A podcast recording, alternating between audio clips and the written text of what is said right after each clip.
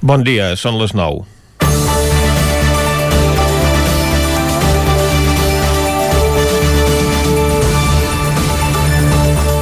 La celebració del primer de maig ha quedat deslluïda aquest any perquè en molts dels actes programats en diverses poblacions el temps no ha acompanyat. L'any passat, aquesta jornada reivindicativa pels treballadors no es va poder celebrar al carrer perquè encara estàvem tots confinats a casa. Tot just l'endemà se'ns deixava sortir una estona per franges horàries per primer cop. Aquesta vegada almenys es podia sortir al carrer amb les mesures de protecció i distanciament establertes, però a Vic el temporal va impedir celebrar tots els actes programats i sigui per la pluja, perquè no hi havia al darrere dels sindicats majoritàries per la pandèmia o pel motiu que fos, no va sortir al carrer tothom qui ho hagués volgut fer en defensa dels seus drets. Les dades de l'atur del primer trimestre de l'any que acabem de conèixer reflecteixen una lleu millora del mercat de treball aprofitant el relaxament de les restriccions. A Catalunya, en aquest temps, l'atur s'ha reduït un 7% respecte al trimestre anterior, després que 38.000 persones trobessin feina. Només a la Comunitat de Madrid, en el govern autonòmic ha tingut més màniga ampla en detriment dels registres epidemiològics, les dades d'ocupació han estat millors a nivell estatal. Tot i que encara hi ha mig milió de catalans buscant feina, els representants dels treballadors consideren bones aquestes dades i que poden tendir a millorar si es van relaxant les mesures.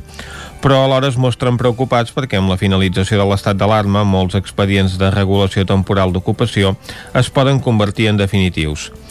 Són treballadors que ara no figuren a les llistes de l'atur i que poden passar a engruixir-les. A tot això, cal afegir les conseqüències dels acomiadaments massius que preparen CaixaBank i el BBVA.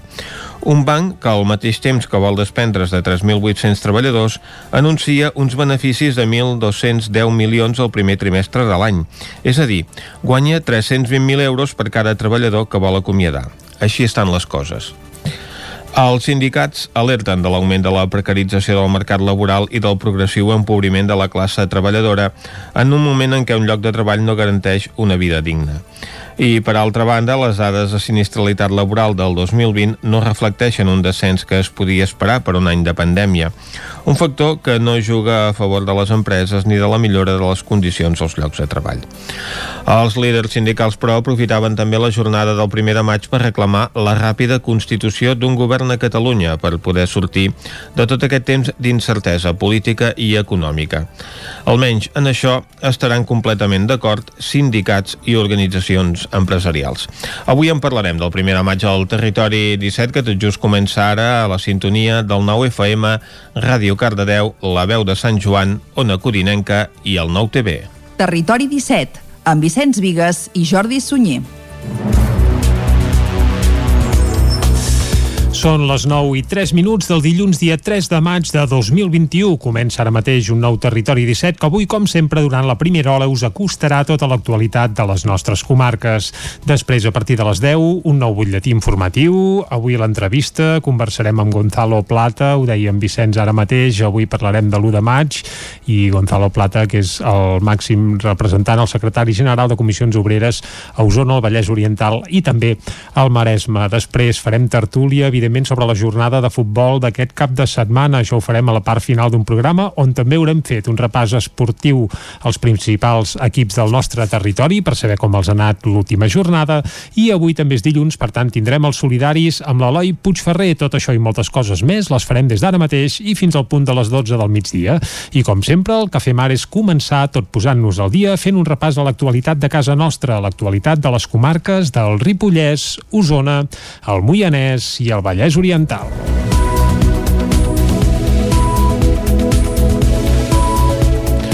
El Procicat ha aprovat un nou alleujament de les mesures per evitar el contagi de la Covid-19. El més rellevant és que a partir del proper diumenge es podran tornar a servir sopars presencials a bars i restaurants. La majoria de les restriccions que ja estaven vigents es prorroguen encara durant tota aquesta setmana, tot i que n'hi ha algunes que s'aixequen, com el fet de tancar els parcs infantils municipals a les 8 del vespre. Ara tornaran a ser els ajuntaments els qui decidiran l'horari a cada municipi. El canvi més notori arribarà a partir del diumenge dia 9 de maig, quan s'aixecaran més mesures, sobretot en l'àmbit de la restauració, que podrà servir sopars de nou. Sentim per aquest ordre el conseller d'Interior, Miquel Samper, i la consellera de Salut, Alba Vergés poder avançar amb aquest pla de reobertura de desescalada i explicar-ho en temps sobretot en temps perquè els sectors més afectats puguin prendre les seves eh, decisions com, com afrontar-ho. Estem parlant de la restauració i ho fem amb aproximadament 13 dies d'antelació. Estem parlant dels parcs d'atraccions que necessiten d'un espai important de temps per poder engegar una altra vegada la seva activitat. Ho hem d'interpretar així, que el toc de queda no seria, no seria a les 10 en aquest cas, perquè la restauració es permet fins a les 11. Però ens, és, és això, eh? analitzem en els propers dies la, la decisió final respecte, respecte al toc de queda i sobretot dotar-nos dotar de les eines jurídiques eh, doncs, que ens permetin prendre decisions si són necessàries. Per tant, aquest percentatge més alt de vacunació, aquests dies que estem vacunant amb molta intensitat, ens permeten entrar en una situació també que ja començarem a veure en les properes setmanes aquest impacte respecte doncs, a la malaltia de Covid-19, respecte també a la transmissió de casos. L'aixecament d'aquestes restriccions arribarà el 9 de maig, just el dia que decau l'estat d'alarma vigent i s'acaba el toc de queda nocturn i les restriccions de mobilitat. A partir de llavors també es permetrà la reobertura dels parcs d'atraccions i les fires populars. La pluja no va aturar les concentracions a l'1 de maig a Granollers, però l'activitat es va haver de traslladar sota la porxada. David Auladell, de Ràdio Televisió, Cardedeu. La pluja caiguda de les últimes hores va obligar a traslladar l'acte organitzat per la coordinadora UEM del Vallès Oriental pel Dia dels Treballadors a la Porxada. La concentració unia particulars, sindicats, partits polítics i entitats. Els participants van destacar la necessitat de celebrar la jornada de forma reivindicativa perquè les conseqüències de la crisi sanitària no les pagui la classe treballadora i perquè no es retallin més drets. També van voler posar de manifest que el 2020, a més de la pandèmia, ha estat un dels pitjors pel que fa a sinistralitat laboral, també al Vallès Oriental. Per això van deixar 10 cadires buides en record de la desena de víctimes per aquestes causes a la comarca. Tot i el canvi de plans en la ubicació de l'acte, la millora del temps va permetre que a l'acabar els concentrats sortissin en manifestació. Un veí de Taradell va morir ahir a la tarda a l'Hospital Parc Taulí de Sabadell a causa de les ferides que va patir en caure des d'uns 20, met 20 metres al castell de Taradell, on diumenge al matí s'hi celebrava una plec de sardanes. El que havia de ser un dia festiu a Taradell amb la recuperació de la plec al castell que organitza l'agrupació sardanista va acabar sent un cop dur pels veïns i veïnes del municipi a causa de la mort d'un veí que va tenir un accident al castell d'en Boix. La víctima és Joaquim Feixes i Mercader, de 67 anys, una persona vinculada a la mateixa organització de la plec i a d'altres entitats del municipi. Els fets van tenir lloc al voltant de 3 quarts de 12 del matí, quan, segons diversos testimonis, l'home hauria ensopegat i s'hauria estimbat en un desnivell d'uns 20 metres just en el moment en què anava a fer una foto. Ràpidament es van activar l'helicòpter sanitaritzat del grup d'actuacions especials dels bombers i també dues ambulàncies. Finalment, un helicòpter medicalitzat del SEM el va traslladar a l'hospital, però ja no es va poder fer res per reanimar-lo. Feixes, a banda de formar part de l'agrupació sardanista de Taradell, també era un dels cantaires de la coral Larva i estava vinculat al centre excursionista del poble. També va ser director del setmanari Torelló en dues etapes. Com a empresari presidia el Gremi de Fusta i el Moble des del 2017 i també havia format part de la Cambra de Comerç d'Osona. Sis anys més tard del previst han començat les obres per unir l'edifici dels jutjats de Vic amb la Casa Serra i Moret, l'antiga seu de la Guàrdia Urbana. Les obres estan valorades en 1,4 milions d'euros i tenen un termini previst d'un any. L'actuació permetrà ampliar les actuals dependències judicials fins als 3.300 metres quadrats. La intenció és alhora habilitar-hi un sisè jutjat d'instrucció i primera instància, així com crear una nova zona de custòdia de detinguts i circuits i espais per preservar les víctimes, especialment les de violència masclista. El Departament de Justícia assumeix el cost total del projecte d'1,4 milions d'euros després de rebre la sessió per 20 anys de la Casa Serra i Moret. Sentim a Fabiana Palmero, regidora d'Urbanisme de l'Ajuntament de Vic. Sembla que no tenim el tall. El que no s'habilitarà el remodelat jutjats de Vic seran les sales per les vistes penals que actualment es fan a Manresa perquè els jutges es van plantar pels dèficits que presentava l'espai del carrer Doctor Junyent. Actualment el Departament de Justícia està elaborant el projecte per ubicar aquestes sales en un altre espai cedit per l'Ajuntament Bigatà a la ronda Camprodon. El planejament urbanístic no preveu el Palau de Justícia que reclamen des del Col·legi d'Advocats. El projecte projecte de les obres que han començat aquesta setmana el va presentar l'any 2014 l'aleshores conseller de Justícia Germà Gordó. Durant el mandat de Carles Mundó, el 2016 es va modificar deixant-lo en el projecte que finalment ara, cinc anys després, es comença a executar. El proper diumenge, dia 9 de maig, tornaran a circular trens pel túnel de Toses després de 10 mesos d'obres. Isaac Muntades, des de la veu de Sant Joan. Després de 10 mesos d'obres, els treballs de millora al túnel de Toses s'acabaran el pròxim dia 9 de maig, 3 mesos després de la data prevista en un inici. En principi, segons va anunciar DIF aquest divendres, aquell diumenge a la tarda restablirà el trànsit ferroviari de la línia R3 entre Ribes de Freser i Puigcerdà, amb la circulació dels dos darrers trens del dia, i l'endemà la circulació ja serà plenament normal. Fins ara s'ha obert un servei alternatiu per carretera amb autobús. Les obres de millora del túnel han tingut un cost de 9 milions i mig d'euros i s'ha fet una actuació en 950 metres dels 4 quilòmetres totals de llargada del túnel. En concret, els operaris han reforçat l'estructura per evitar despreniments com el que va obligar a la seva clausura. S'ha millorat el drenatge i s'ha canviat la catenària per una rígida que donarà una major fiabilitat que l'actual. Aquest divendres, la delegada del govern espanyol a Catalunya, Teresa Conillera, el subdelegat del govern espanyol a Girona, Albert Bramont, el director general de Conservació i Manteniment de DIF, Àngel Contreras, el president del Consell Comarcal, Joaquim Colomer, o l'alcalde de Ripoll i diputat al Parlament de Catalunya, Jordi Monell, van fer una visita d'obres al túnel. Contreras va justificar l'endarreriment de les obres per un despreniment a l'interior del túnel l'estiu passat que va fer que els treballs s'allarguessin dos mesos més. El membre de DIP va detallar que les nombroses filtracions d'aigua i els cicles de gel i de gel a la zona on hi ha el túnel provoquen un deteriorament de la roca i els despreniments posteriors. Aquests primers 15 dies de la represa de la circulació, els trens circularan amb un límit de velocitat de 30 km per hora i després passaran a 60 km per hora dues setmanes més abans d'arribar als 100 que solien abans de les obres.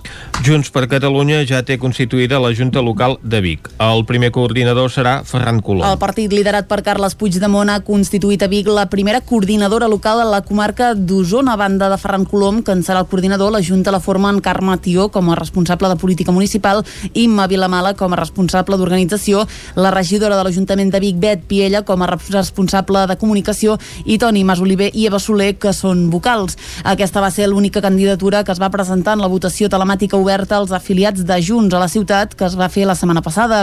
Entre els objectius inicials de la coordinadora hi ha l'incrementar el nombre d'afiliats actual i, quan la pandèmia ho permeti, organitzar accions per donar-se a conèixer més de treballar amb l'horitzó de les properes eleccions municipals de l'any 2023. I seguim parlant de Junts per Catalunya perquè l'alcaldessa de Vic, Anna R, serà la presidenta del Consell Nacional de Junts per Catalunya, després de ser l'única candidata que ha aconseguit els avals necessaris per ocupar el càrrec.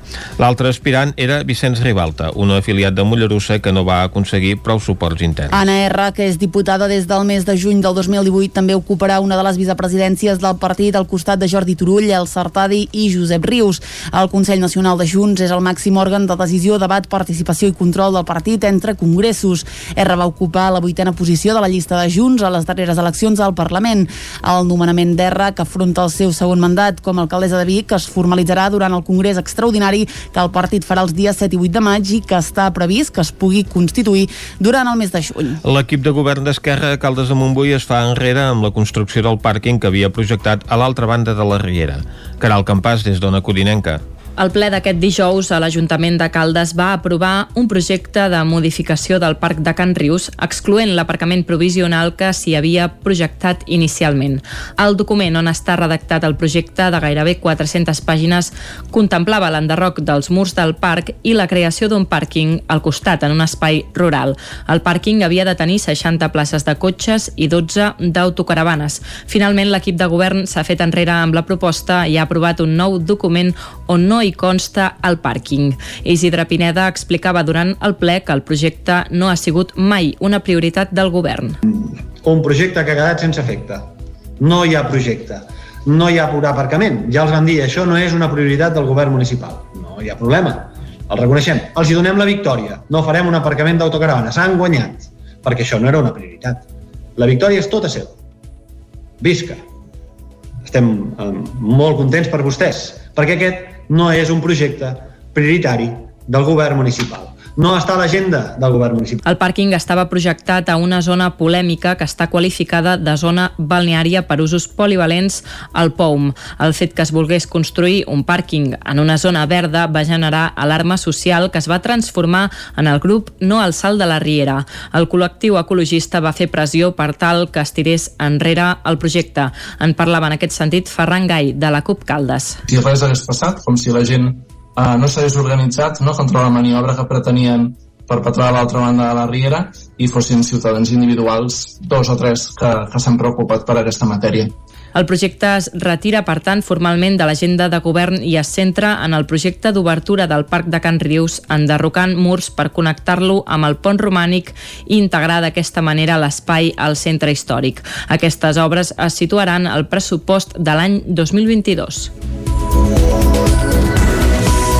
I fins aquí el butlletí informatiu que us hem ofert amb les veus de Vicenç Vigues, Clàudia Dinarès, David Auladell, Caral Campàs i Isaac Muntades. I ara, abans d'anar cap al quiosc i fer un repàs al que diuen les portades de la premsa d'avui, el que farem és un cop d'ull a la situació meteorològica.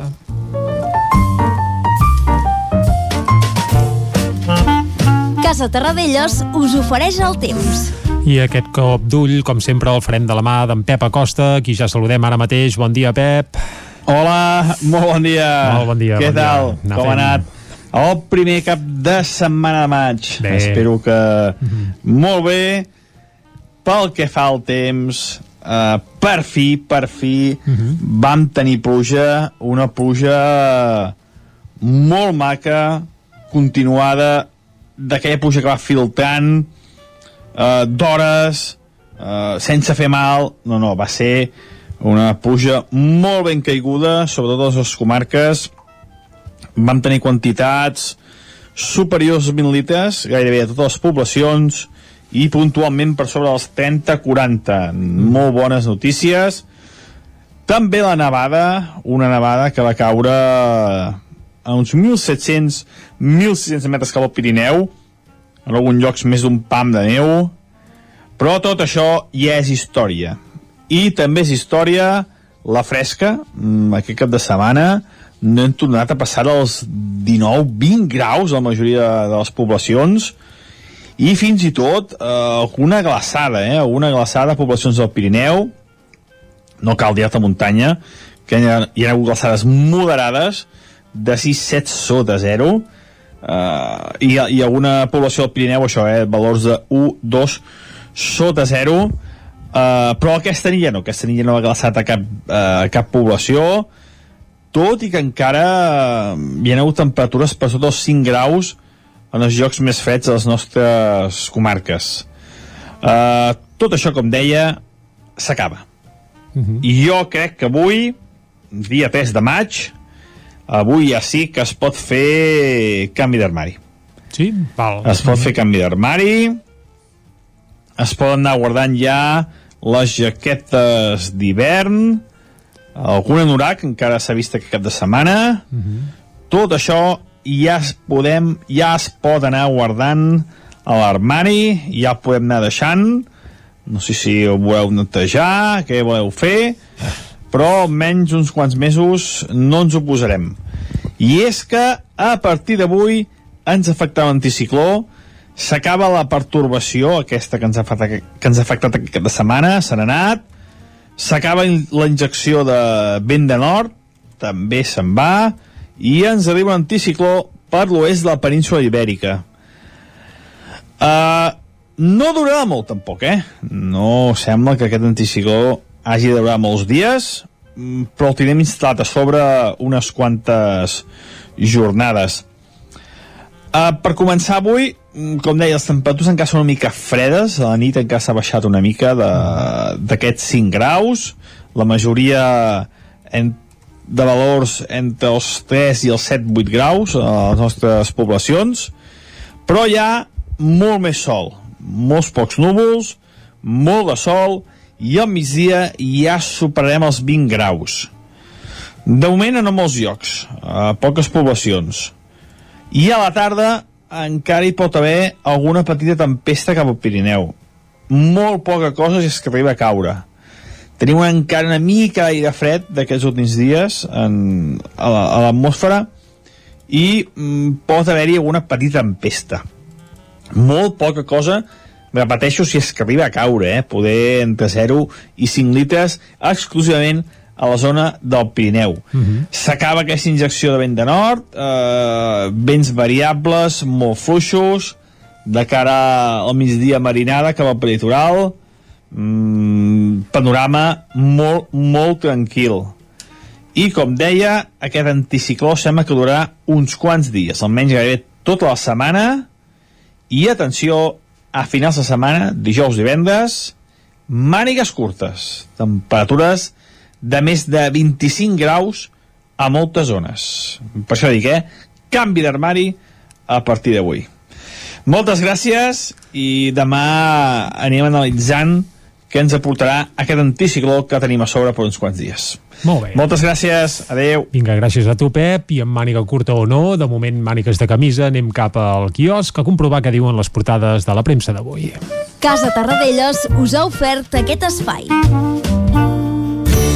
Territori 17. Envia'ns les teves notes de veu per WhatsApp al 646 079 023. 646 079 023. WhatsApp Territori 17.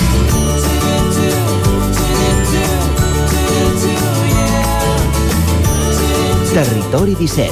Som a Facebook, Twitter i Instagram amb l'usuari Territori 17.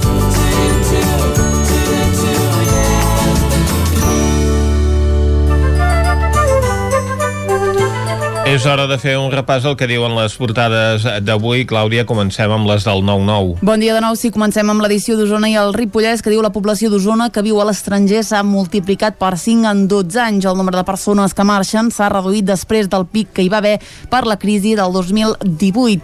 A la imatge, el túnel de Toses reobrirà aquesta setmana. Satisfacció al sector de la restauració per l'anunci que podran tornar a obrir de nit per servir sopars i comencen a multar els vehicles no autoritzats a l'illa de Vianants del Portalet de Vic. Anem a l'edició del Vallès Oriental que diu la fi dels peatges farà perdre 1,6 milions d'ingrés per IBI als ajuntaments. Granollers reclama més control del pas de mercaderies perilloses per la Ronda Sud. A la imatge Lliçà de Vall restaura pintures de Palau Ferrer i adjudicada la construcció del tercer carril de la C-17 en direcció nord. Un control policial, canviem de tema, troba irregularitats a dos locals de Granollers. Anem a veure de què parlen els diaris catalans. Anem al punt avui que diu remuntar el vol. El sector aeri confia recuperar l'activitat a mig gas durant l'estiu. A la imatge, el Barça femení a la final de la Champions. El Barça supera el PSG amb dos gols de Martins en un altre emocionant partit. Les jugadores van celebrar el triomf amb un miler d'aficionats a l'estadi Johan Cruyff. El retorn de la bandera, canviem de tema, de l'Aliança Nacional de la Dona Jove. També és un altre dels temes que veiem al punt avui. Anem al diari Ara que diu el govern espanyol s'embolica amb la tributació conjunta. L'estudi de la supressió gradual de la bonificació consta en els plans econòmics enviats a Brussel·les. A l'altra imatge, a una de les imatges, l'esquerra madrilenya crida a frenar Ayuso i a la segona imatge, ara sí, el Barça femení a la final de la Champions. Són eh, una de les eh, protagonistes clares de les portades d'aquest dilluns. Anem al periòdico on precisament hi apareixen elles, diu històriques, el Barça femení torna a la final de la Champions dos anys després al superar el PSG amb dos gols de Lieke Martins. Avui el periòdico entrevista a Wayne Griffiths, és el president de Seat i Cupra, que diu fabricarem a Martorell un cotxe elèctric de 20.000 euros. Catalunya afronta el repte d'atendre 500.000 avis i àvies soles i l'esquerra crida al vot massiu per frenar Ayuso. Anem a l'avantguàrdia que diu Madrid tanca una típica campanya amb la mirada posada en la Moncloa. Sánchez espera un bon resultat per no veure compromès el govern mentre Casado busca una inflexió en la política espanyola. A la imatge els toros tornen a les ventes i la pandèmia fa emergir un mercat negre mundial de l'oxigen. Anem a Madrid en aquesta jornada de reflexió de cara a les eleccions de demà. Quines són les portades dels diaris a la Comencem capital espanyola? amb el país que diu el govern rectifica el seu pla d'eliminar la tributació conjunta en IRPF. A la imatge hi veiem els candidats de les eleccions de, de demà, 4M, Madrid diuen clau nacional, les eleccions autonòmiques defineixen el futur del mapa polític espanyol i suposen un repte per PP i també per Ciutadans. Justícia ofereix al PP millores per renovar el poder judicial. Anem al Mundo que diu Moncloa ja es prepara per una derrota. El 4M diu no és extrapolable. El govern assumeix que Ayuso té avantatge a 24 hores de les eleccions de Madrid plantejades com una batalla contra Sánchez. A la imatge hi tornem a veure toros, diu tornen els toros, falta Ayuso i la pujada encoberta de l'IRPF castigarà a les rendes més baixes. A la raó, el Consell de Ministres del 4M xoca amb la llei electoral. A la imatge tornem a veure una plaça de toros, tancament de campanya a les ventes i a la madrilenya i els escortes d'Iglesias, diu, van liderar l'atac a la policia de Vallecas. Acabem, com sempre, amb l'ABC, que diu un cap dels bucaneros integra la seguretat d'Iglesias. A la imatge tancament d'una campanya, diu, cierra la campanya más bronca. El PP apela a la unitat per aconseguir demà un resultat històric a Madrid. Doncs avui a les jugadores del Barça femení, protagonistes de les portades dels diaris catalans després de la seva classificació per la final de la Champions en la semifinal, la tornada de la semifinal d'ahir amb el PSG són eh, protagonistes a les noies del Barça, la portada del periòdico i també del Punt Avui. També hi dedica un espai a la seva portada al diari Ara. I una altra foto que veiem eh, repetida, en aquest cas sí que és la mateixa imatge en els eh, tres diaris, a La Razón, El Mundo. I a La Vanguardia és aquesta vista de la plaça de les Ventes de Madrid que hi va tornar a obrir per, eh, per oferir doncs, un espectacle de toros en aquesta última jornada de campanya electoral a la comunitat madrilenya, coincidint també doncs, amb el seu eh, dia nacional, un dia en el que es lliuren doncs, guardons com la Gran Creu del 2 de maig i aquesta fotografia és la que ha escollit de portada al diari Ara en el moment en què fa una reverència a la presidenta madrilenya el músic Nacho Cano. El País ens ofereix doncs, aquestes eh, fotografies comparatives del candidat del Partit Socialista amb el president del govern i la presidenta i candidata a la reelecció Isabel Díaz Ayuso acompanyada també del president del PP en aquesta última jornada electoral també s'ofereix aquesta imatge del míting de fi de campanya del Partit Popular a la portada de l'ABD. Són alguns dels temes d'actualitat que tracten avui en la seva primera pàgina els diaris d'avui i amb aquest repàs a les portades del dia nosaltres acabem aquest bloc informatiu.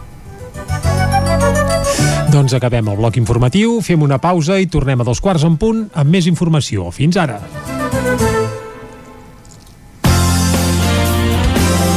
El nou FM, la ràdio de casa, al 92.8. Retus 2 Ràdio. Experts en comunicació visual. Rètols, banderoles, vinils, impressió, plaques gravades, senyalització, display... Rètols Dos Art. Ja són 25 anys al vostre servei. Ens trobareu a la carretera de Vic a Olot, número 7, al polígon Malloles de Vic. dosartvic.com Telèfon 93 889 25 88. La Cakery. Pastissos personalitzats, galetes, cookies, brownies i molt més. Ens trobaràs a Vic, al carrer de Gurb 34 Baixos, al telèfon 93 886 70 51 i també a Instagram i Facebook. Anuncia't al 9FM. La màquina de casa. 9 3 8 8 9 4 9 4 9. Publicitat arroba al 9FM.cat. Anuncia't al 9FM. La publicitat més eficaç. Si has nascut el 1961 o abans, ja pots fer el gest que estaves esperant. Si encara no tens cita per vacunar-te, demana-la ara a vacunacovidsalut.cat. Recorda, vacunacovidsalut.cat. Salut, cuidem el que som. Catalunya 2030, Generalitat de Catalunya. Xalant, moda i complements. Nova temporada primavera-estiu. Moda home-dona, nen-nena, sabates, bosses de mà, maletes, complements i molt més. Vine a veure, ens trobaràs una secció d'ofertes amb roba de la temporada passada a 10 euros i 19 euros. Vine a Can Xalant, ens trobaràs al carrer Sant Tomàs número 6 de Call d'Atenes. També a Instagram i Facebook. A Corretja tenim tot el que necessites per la teva llar. Tot tipus de paviments i revestiments, sistemes d'aïllament, cobertes, parquets, aixetes, ferreteria, pintures, fixació i cargoleria, vestuari i material de seguretat. Disposem de més de 3.500 metres quadrats d'exposició amb una nova zona exterior d'aïllaments. A Corretja som especialistes en cuines i banys. Us assessorem, dissenyem i realitzem el projecte des de l'inici fins a la fi del muntatge. 100% cuines, 100% banys. Al carrer Mas Vigues 8 de Vic, a corretja-sl.com o a Instagram. 100% materials per la construcció i la decoració. 100% corretja. Hi ha sensacions que són úniques. Aquell bany relaxant, mirar per la finestra quan plou i com les calderes Bailand, que li ofereixen fins a 15 anys de cobertura total amb el servei tècnic oficial Bailand. Informis a Oficiat Nord trucant al 93 886 0040. Amb el servei tècnic oficial de Bailand, la seva caldera estarà en les millors mans. El nou FM, la ràdio de casa, al 92.8.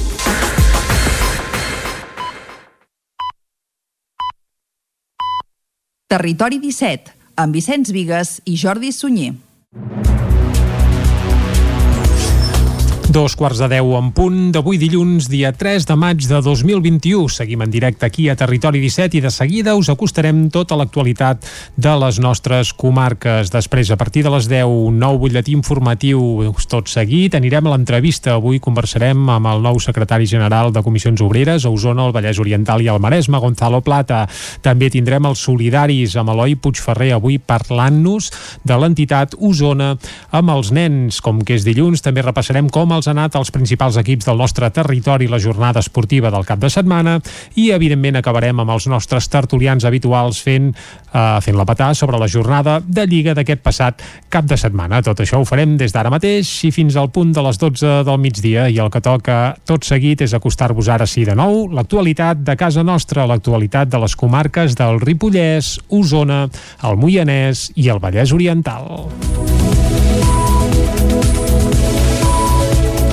El Procicat ha aprovat un nou alleujament de les mesures per evitar el contagi de la Covid-19. El més rellevant és que a partir del proper diumenge es podran tornar a servir sopars presencials a bars i restaurants. La majoria de les restriccions que ja estaven vigents es prorroguen encara durant tota aquesta setmana, tot i que n'hi ha algunes que s'aixequen, com el fet de tancar els parcs infantils municipals a les 8 del vespre. Ara tornaran a ser els ajuntaments els qui decidiran l'horari a cada municipi. El canvi més notori arribarà a partir del diumenge dia 9 de maig maig, quan s'aixecaran més mesures, sobretot en l'àmbit de la restauració, que podrà servir sopars de nou. Sentim per aquest ordre el conseller d'Interior, Miquel Sampar, i la consellera de Salut, Alba Vergés poder avançar amb aquest pla de reobertura de desescalada i explicar-ho en temps, sobretot en temps, perquè els sectors més afectats puguin prendre les seves eh, decisions com, com afrontar-ho, estem parlant de la restauració i ho fem amb aproximadament 13 dies d'antelació, estem parlant dels parcs d'atraccions que necessiten d'un espai important de temps per poder engegar una altra vegada la seva activitat. Ho hem d'interpretar així, que el toc de queda no seria, no seria a les 10 en aquest cas, perquè la restauració es permet fins a les 11. Però ens, és, és això, eh? analitzem en els propers dies la, la decisió final respecte, respecte al toc de queda i sobretot dotar-nos dotar de les eines jurídiques eh, doncs, que ens permetin prendre decisions si són necessàries.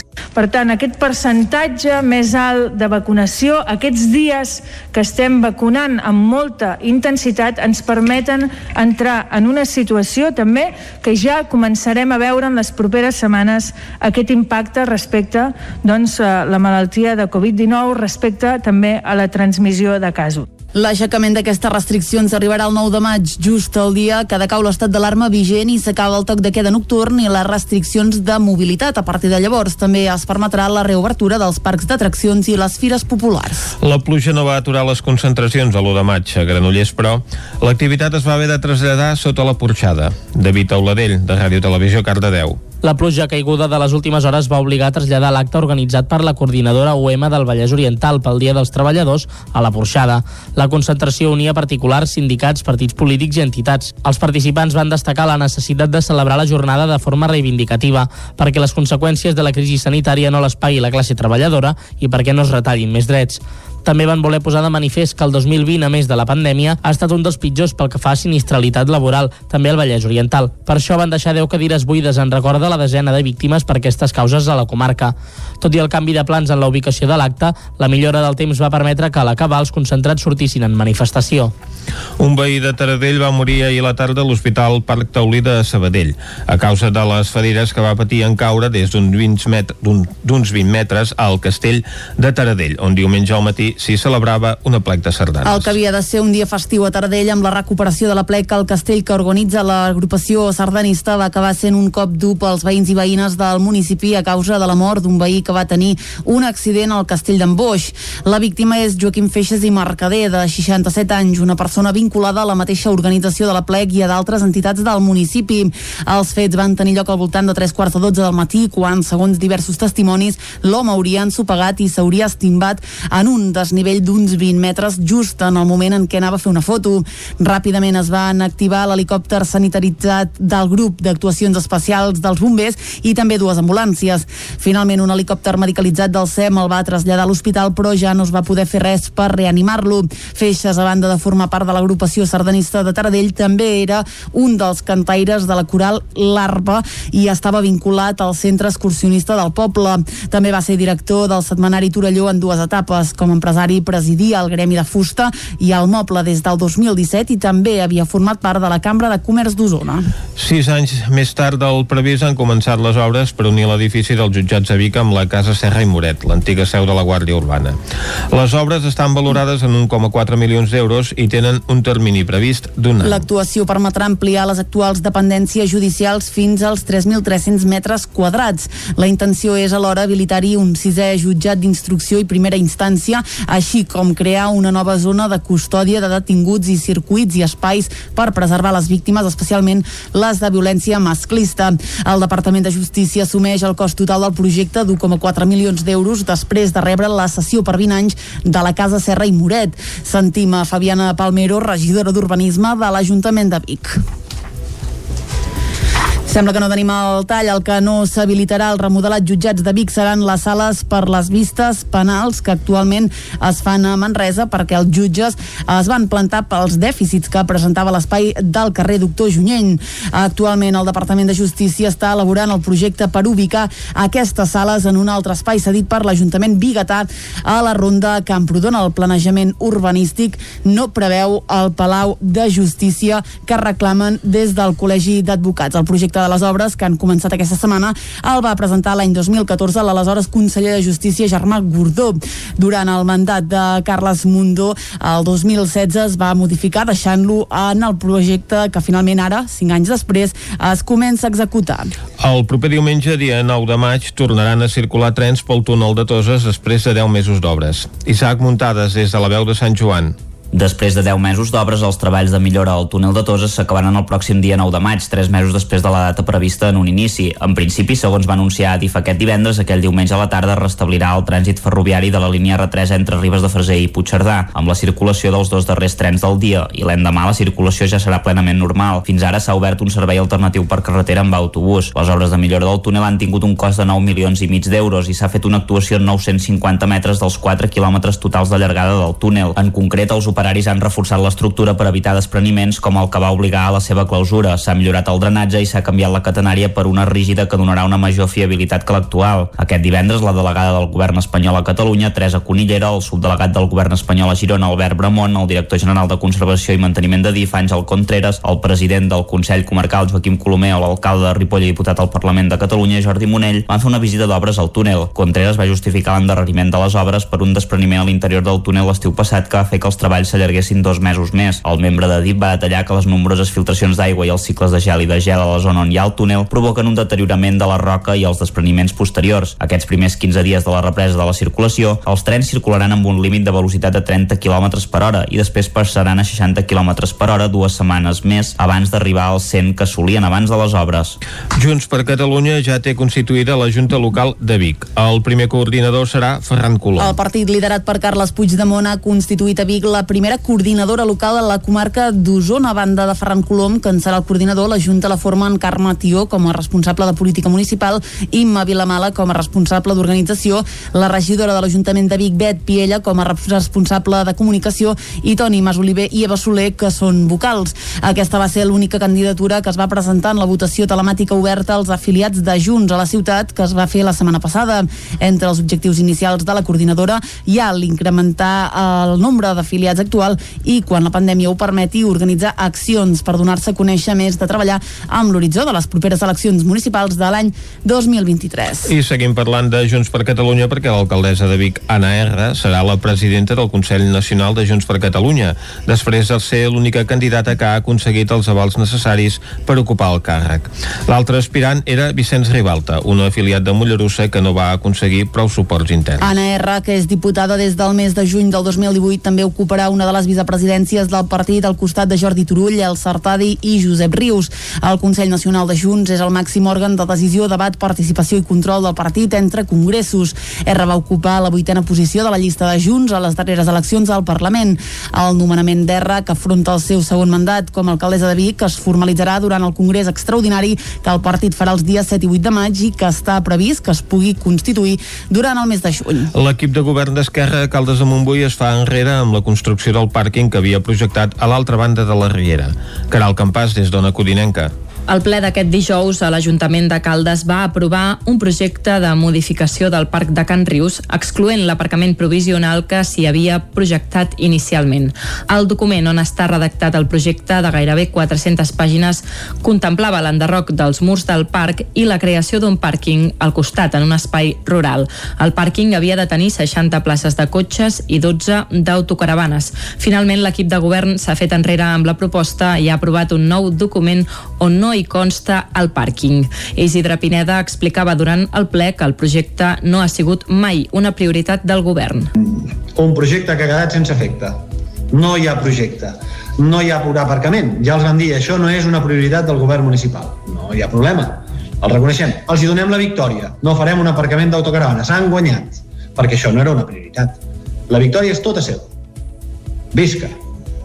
Estem eh, molt contents per vostès, perquè aquest no és un projecte prioritari del govern municipal. No està a l'agenda del govern municipal. El pàrquing estava projectat a una zona polèmica que està qualificada de zona balneària per usos polivalents al POUM. El fet que es volgués construir un pàrquing en una zona verda va generar alarma social que es va transformar en el grup No al Salt de la Riera. El col·lectiu ecologista va fer pressió per tal que es tirés enrere el projecte. En parlava en aquest sentit Ferran Gai, de la CUP Caldes. Si res hagués passat, com si la gent uh, no s'hagués organitzat no, contra la maniobra que pretenien perpetrar a l'altra banda de la Riera i fossin ciutadans individuals, dos o tres, que, que s'han preocupat per aquesta matèria. El projecte es retira, per tant, formalment de l'agenda de govern i es centra en el projecte d'obertura del Parc de Can Rius, enderrocant murs per connectar-lo amb el pont romànic i integrar d'aquesta manera l'espai al centre històric. Aquestes obres es situaran al pressupost de l'any 2022. I fins aquí el butlletí informatiu que us hem ofert amb les veus de Vicenç Vigues, Clàudia Dinarès, David Auladell, Caral Campàs i Isaac Muntades. I ara, abans d'anar cap al quiosc i fer un repàs al que diuen les portades de la premsa d'avui, el que farem és un cop d'ull a la situació meteorològica.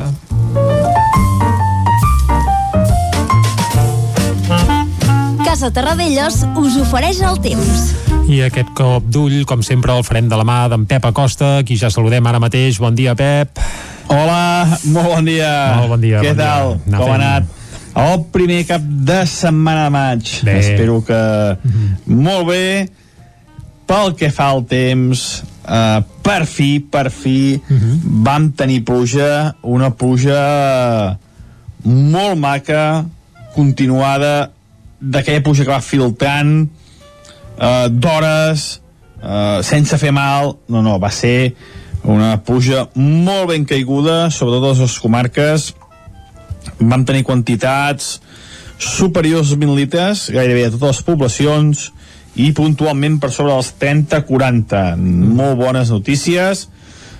També la nevada, una nevada que va caure a uns 1.700-1.600 metres cap al Pirineu, en alguns llocs més d'un pam de neu, però tot això ja és història.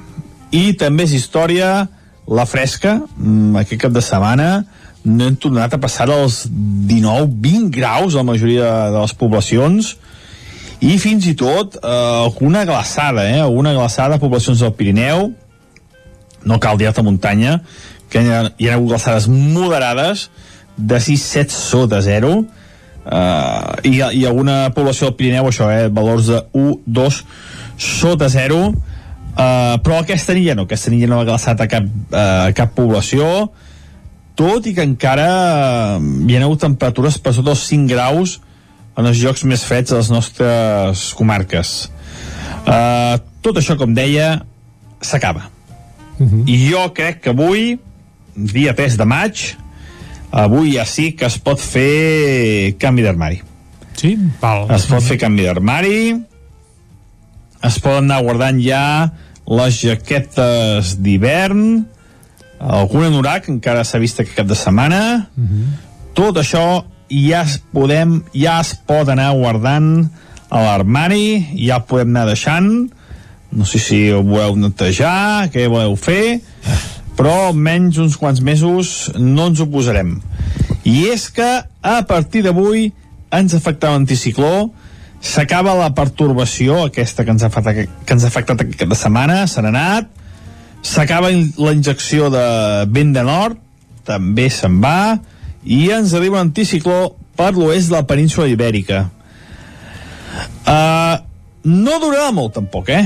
No sembla que aquest anticicló hagi de durar molts dies, mm, però el tindrem instal·lat a sobre unes quantes jornades.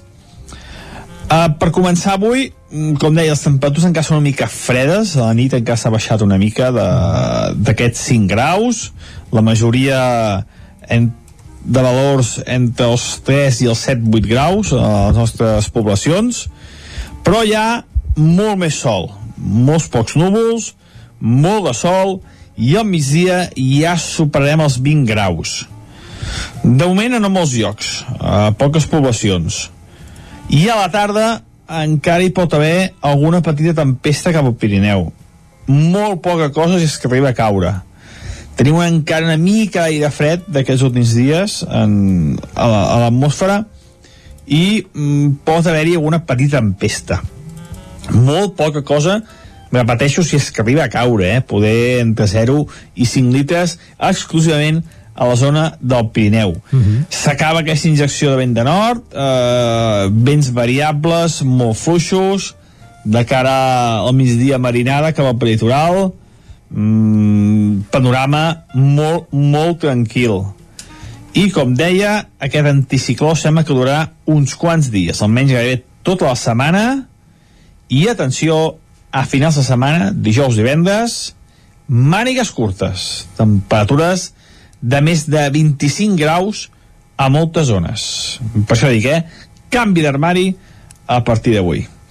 Moltes gràcies i demà anirem analitzant què ens aportarà aquest anticicló que tenim a sobre per uns quants dies. Molt bé. Moltes gràcies, adeu. Vinga, gràcies a tu, Pep, i amb màniga curta o no, de moment mànigues de camisa, anem cap al quiosc a comprovar què diuen les portades de la premsa d'avui. Casa Tarradellas us ha ofert aquest espai. Territori 17. Envia'ns les teves notes de veu per WhatsApp al 646 079 023. 646 079 023. WhatsApp Territori 17.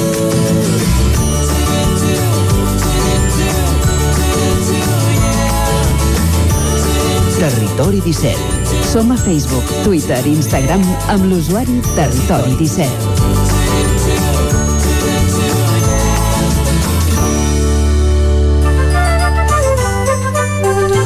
És hora de fer un repàs al que diuen les portades d'avui. Clàudia, comencem amb les del 9-9. Bon dia de nou, sí, comencem amb l'edició d'Osona i el Ripollès, que diu la població d'Osona que viu a l'estranger s'ha multiplicat per 5 en 12 anys. El nombre de persones que marxen s'ha reduït després del pic que hi va haver per la crisi del 2018.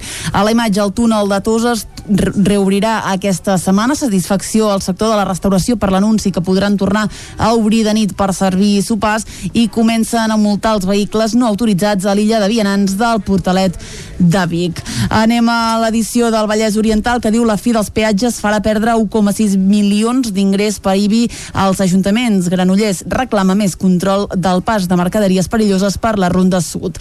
A la imatge Lliçà de Vall restaura pintures de Palau Ferrer i adjudicada la construcció del tercer carril de la C-17 en direcció nord. Un control policial, canviem de tema, troba irregularitats a dos locals de Granollers. Anem a veure de què parlen els diaris catalans. Vicenç. Anem al punt avui que diu remuntar el vol.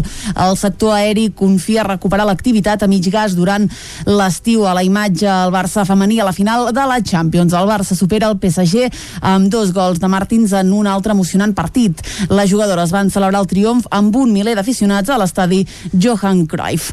El retorn de la bandera, canviem de tema, de l'Aliança Nacional de la Dona Jove. També és un altre dels temes que veiem al punt avui. Anem al diari Ara que diu el govern espanyol s'embolica amb la tributació conjunta. L'estudi de la supressió gradual de la bonificació consta en els plans econòmics enviats a Brussel·les. A l'altra imatge, una de les imatges, l'esquerra madrilenya crida a frenar Ayuso i a la segona imatge, ara sí, el Barça femení a la final de la Champions. Són uh, una de les uh, protagonistes clares de les portades d'aquest dilluns. Anem al periòdico on precisament hi apareixen elles, diu històriques, el Barça femení torna a la final de la Champions dos anys després al superar el PSG amb dos gols de Lieke Martins. Avui el periòdico entrevista a Wayne Griffiths, és el president de Seat i Cupra, que diu fabricarem a Martorell un cotxe elèctric de 20.000 euros.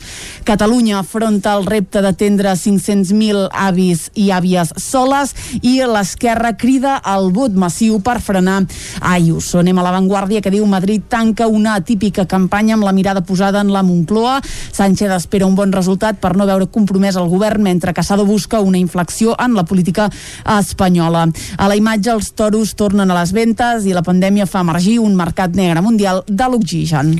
Anem a Madrid en aquesta jornada de reflexió de cara a les eleccions de demà. Quines són les portades dels diaris a la Comencem capital espanyola? amb el país que diu el govern rectifica el seu pla d'eliminar la tributació conjunta en IRPF.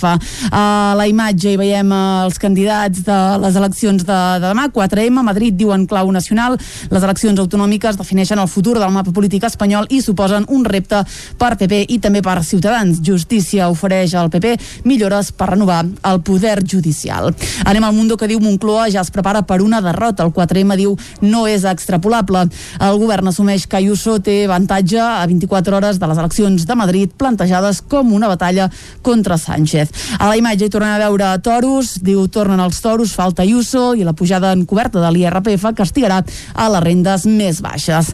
A la raó, el Consell de Ministres del 4M xoca amb la llei electoral. A la imatge tornem a veure una plaça de toros, tancament de campanya a les ventes i a la madrilenya i els escortes d'Iglesias diu van liderar l'atac a la policia de Vallecas. Acabem com sempre amb l'ABC que diu un cap dels bucaneros integra la seguretat d'Iglesias. A la imatge tancament d'una campanya diu cierra la campanya más bronca. El PP apela a la unitat per aconseguir demà un resultat històric a Madrid. Doncs avui a les eh, jugadores del Barça femení, protagonistes de les portades dels diaris catalans després de la seva classificació per la final de la Champions en la semifinal, la tornada de la semifinal d'ahir amb el PSG són eh, protagonistes a les noies del Barça a la portada del periòdico i també del Punt Avui. També hi dedica un espai a la seva portada al diari Ara. I una altra foto que veiem eh, repetida, en aquest cas sí que és la mateixa imatge en els eh, tres diaris, a La Razón, El Mundo.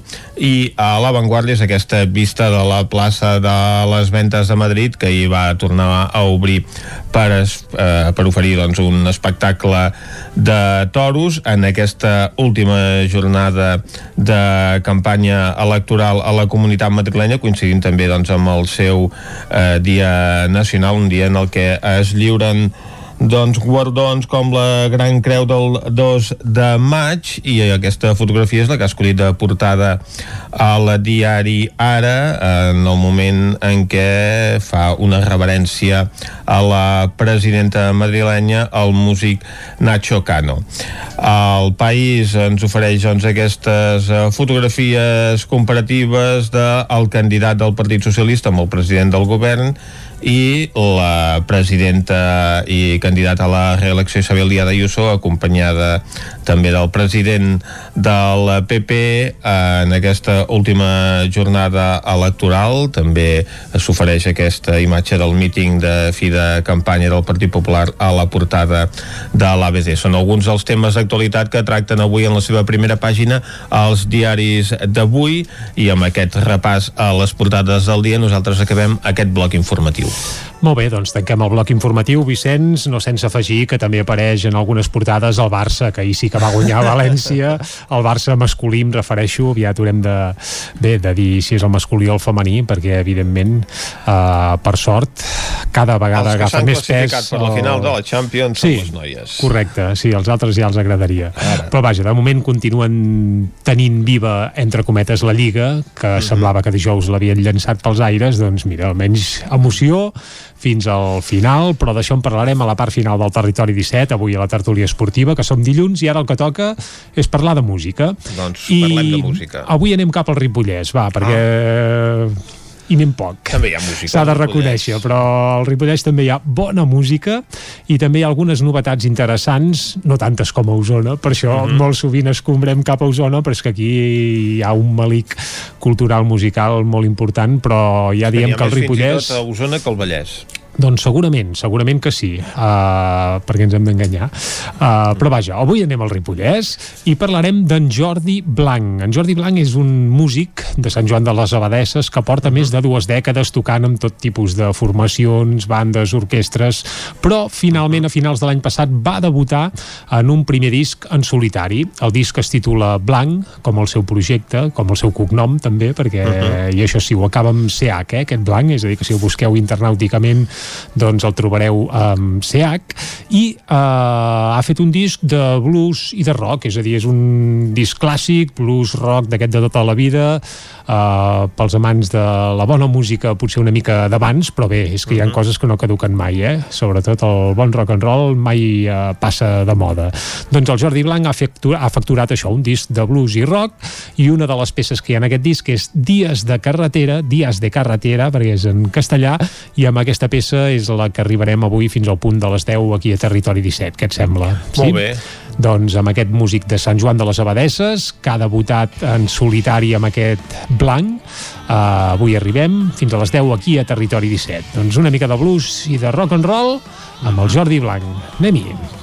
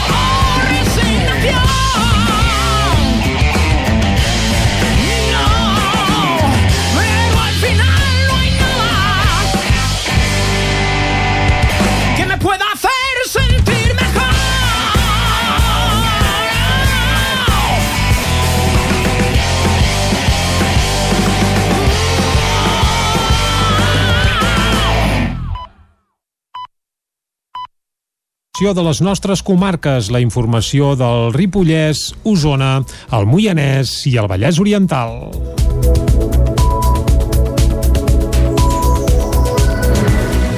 La producció de cols ha augmentat un 15% respecte a l'any passat a Catalunya i està previst que en els propers anys es multipliqui per dos.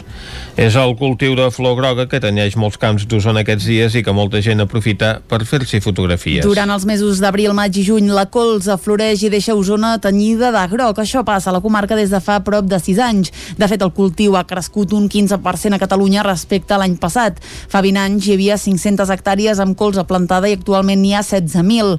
Des del sector, a més, tenen clar que aquest cultiu es duplicarà en els propers anys i celebren que sigui rendible tant des d'un punt de vista econòmic com agro agronòmic. Ho explica Josep Maria Prat, director comercial de la cooperativa Plana de Vic. Aquests últims anys ha, ha pujat diguem, la seva implantació a la plana, sobretot um, per la demanda.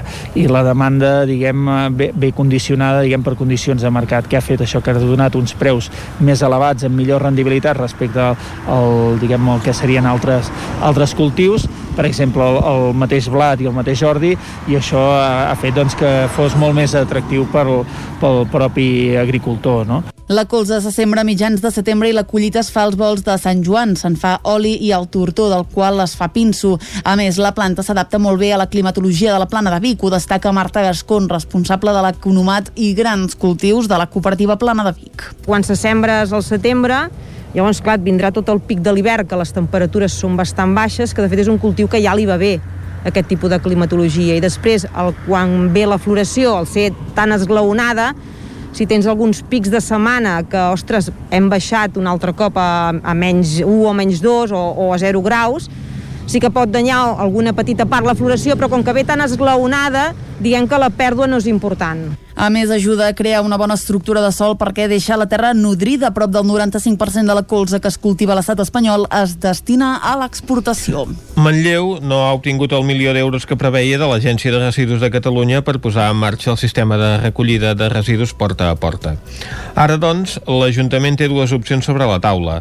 Tornar la prestació del servei al Consell Comarcal i mantenir el model actual o aplicar un model mix amb el porta a porta només per a indústries i comerços. Tot i que l'equip de govern de l'Ajuntament de Manlleu està decidit a avançar cap a la implantació de porta a porta, el més probable és que hagi de renunciar a la licitació per compte propi i continuï almenys a mitjà termini amb la prestació del servei a través del Consell Comarcal.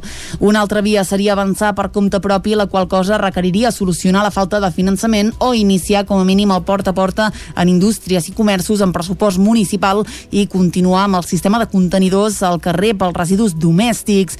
No haver aconseguit la subvenció de l'Agència de Residus és el segon revés que rep Manlleu a la posada en marxa del porta a porta. L'any passat la Generalitat va decidir reorientar a pal·liar els efectes de la pandèmia una subvenció del Fons Europeu FEDER que l'Ajuntament ja tenia concedida i que hauria servit per cofinançar el 50% de les despeses. S'aprova una moció per ajudar els nuclis disseminats a Ripoll i la CUP demana més sensibilitat amb les pedanies. Isaac Muntades, des de la veu de Sant Joan. L'Ajuntament de Ripoll va aprovar per unanimitat una moció de sol·licitud d'ajudes als nuclis disseminats. La proposta demanava el desplegament dels serveis essencials en les pedanies i acordar un pla nacional específic d'inversió anual per solucionar les mancances existents d'aquests indrets. Ripoll, que té una extensió de 74 km quadrats, té 12 nuclis disseminats com els Brucs, les colònies Noguera, Santa Maria i Sorribes, Llees, Ordina, Ràmels, el Remei, Sant Antoni, Sant Bartomeu, Sant Bernabé de les Tenes i Sant Roc. L'alcalde de Junts per Ripoll, Jordi Monell, va assenyalar que tots els ciutadans han de tenir igualtat en l'accés als serveis bàsics, però quan s'observen les línies normals de subvenció de la Diputació de Girona, del Pla Únic d'Obres i Serveis de Catalunya o de l'Agència Catalana de l'Aigua, solen ser genèriques i no contemplen les singularitats dels nuclis disseminats. De fet, allà hi viuen pocs veïns i el cost per portar-hi serveis no surt econòmicament rendible. Per això, des de l'Ajuntament demanaven fer una discriminació positiva en favor seu i que els fons europeus que han d'arribar els tinguessin en compte. Monell va extrapolar-ho a la comarca on hi ha els casos de Bruguera i Ventolà de Ribes de Freser o de Fabert i Espinavella a Molló. L'alcalde va recordar que en el seu moment es va fer arribar el servei de l'aigua a la Font del Sofre i en canvi no és el cas de Sant Bernabé de les Tenes. El regidor de l'Alternativa per Ripoll CUP, Aitor Carmona, va dir que calia ser més sensible envers aquests nuclis i que projectes com el del Bike Park, el del polígon de la carretera de les Llosses a Can Franquesa o el fet de donar permisos perquè passessin ral·lis per carreteres secundàries no hi ajudava. També va apuntar que calia ser més democràtics per escollir l'alcalde de barri. La, la figura de l'alcalde de barri que al final una relació no, molt, molt directa entre aquesta persona i l'alcalde, està ficada doncs, a dit, diguéssim, assignada per, per, per l'equip de govern, segurament hi ha fórmules més democràtiques, com per exemple passa doncs, amb aquestes entitats descentralitzades que, amb les quals ens volem assimilar una mica en aquest sentit, que doncs, la, la presa de decisions en aquest cas sol ser doncs, més assembleària, més parlada, consensuada amb els veïns. L'alcalde va rebatre-li l'argument. En el cas dels alcaldes pedanis, els alcaldes de barri, no votats a dit, sinó que es van posar a través de les eleccions. El programa electoral de Junts per Ripoll, que vam ser l'únic partit, programa electoral, ja proposàvem les persones que serien alcaldes pedanis d'aquests barris. De fet, eh, cap altre partit segurament va ser tan sensible com nosaltres a disposar doncs, d'unes persones que viuen al territori, que se'l senten, que hi fa molts anys que hi viuen, que el pateixen també, que per tant són aquelles persones que amb l'equip de govern, quan hi ha algun problema de neu, de carretera, de telèfon, truquen amb tota la confiança doncs, a l'equip de govern i per tant és una extensió de l'equip de govern. L'alcalde va dir que eren gent que ho feia de forma desinteressada i que no se'ls podia acusar de no ser sensibles en aquest tema. De fet, Monell va apuntar que en mandats anteriors als seus algun equip de govern es va descuidar d'anomenar els alcaldes de barri. Reconeixement a treballadors i treballadores dels serveis d'atenció domiciliària en un acte amb polítics usonencs a l'edifici del Sucre de Vic. Els representants polítics de tota la comarca d'Osona van voler donar reconeixement als treballadors i treballadores dels serveis d'atenció domiciliària en un acte que es va fer dijous passat a l'edifici del Sucre de Vic. Sentim en primer lloc a Joan Carles Rodríguez, president del Consell Comarcal d'Osona. Quan hi ha moments de crisi mm, i moments en què parlar entre les persones es fa més complicat perquè el contacte social es perd, que important és tenir un SAT centrat en les persones com el que vosaltres sou capaces de fer cada dia. Aquest servei, que té unes 700 persones de la comarca mensualment, incorpora infermeres i terapeutes ocupacionals en la intervenció als domicilis, ho remarca el president de la Mancomunitat, la Plana, Ferran Teixidor. El servei d'atenció domiciliària que tenim a Osona és un encert, escoltant les experiències, la vocació, el, aquesta, aquesta cosa que té que tant de personalitzar, no? de poder tenir aquest servei a casa, algú ha dit, no sé si en Rafa, no? de poder-te quedar a casa mentre altres llocs i altres situacions del país i del món inclús estàs obligat a fer una derivació cap a un centre, poder-te quedar a casa tant de temps com sigui possible, això és un encert indiscutiblement. Durant l'acte també van intervenir-hi dues treballadores dels serveis d'atenció domiciliària que van explicar què significa per elles la seva feina i algunes anècdotes. El reconeixement es va obrir i tancar amb l'actuació musical de Duduet que van posar poemes de Jacint Verdaguer. La mestra i psicòloga Sílvia Palau va parlar a la darrera aula de cultura de Cardedeu dels sistemes familiars, de com es relacionen els seus membres i de quins són els principals problemes que hi sorgeixen. David Auladell, de Ràdio Televisió Cardedeu. La família és un sistema que està en continu moviment i tots els seus membres tenen un vincle molt gran. Això fa que només que una persona del sistema es mogui afecta tot el sistema. El problema arriba quan després d'aquest moviment no tornem a trobar el nostre lloc o acabem assumint tasques o obligacions que no ens tocaria. La psicòloga Sílvia Palou del Centre de Cultura Familiar Sistemàtica de Tres Sentits va parlar de tot això a la darrera aula de cultura de Cardedeu. Sílvia Palou, mestra i psicòloga. Una gran diversitat de famílies, eh, totes són bones i totes són fantàstiques, però de vegades eh, el, els canvis que tenim sovint eh, ens provoquen aquesta dificultat i mirarem de comprendre com són els mecanismes no? eh, que de vegades són una mica invisibles a la, a la nostra mirada però que en canvi els sentim a nivell profund i per poder entendre aquests eh, mecanismes eh, doncs analitzarem una miqueta diferents tipus de famílies i quines són les actituds que faciliten no? el, el benestar i la millora en aquestes relacions. Alguns dels exemples que va donar Palau per tenir harmonia en el sistema familiar són ocupar el nostre lloc i no el dels altres, entendre les diferències generacionals i comprendre d'on venim i cap on anem i deixar els judicis enrere. Caldes de Montbui comença una campanya de manteniment i restauració de patrimoni. Les termes romanes, la sala noble de Can Rius i l'escultura de bronze de Manolo Huguer, situada al cementiri, seran els elements restaurats durant aquest any. Caral Campàs, des d'Ona Codinenca. Un equip de restauradors s'està encarregant de netejar la brutícia que s'acumula durant l'any i reparar petits desperfectes. A més, anualment es fan millores a l'edifici que recobreix les termes construït als anys 60. Enguany treballen sobretot per millorar un problema de filtracions. El sistema de microprojecció amb partícules d'òxid d'alumini els permet eliminar la brutícia de les parets de manera suau i gradual. Els treballs que ja han començat i està previst que acabin d'aquí 20 dies projectes els realitza l'empresa Gamigar, especialitzada en conservació del patrimoni. Agustín Gamarra és soci fundador de l'empresa. Diguem-ne, tots aquests eh, regalims eh, verds i blancs i grocs i tot això ve arrastrat per l'aigua de pluja per les filtracions. Directament es filtra l'aigua. Cada cop que plou es filtra l'aigua i regalima fins aquí, fins a la cisterna, pràcticament.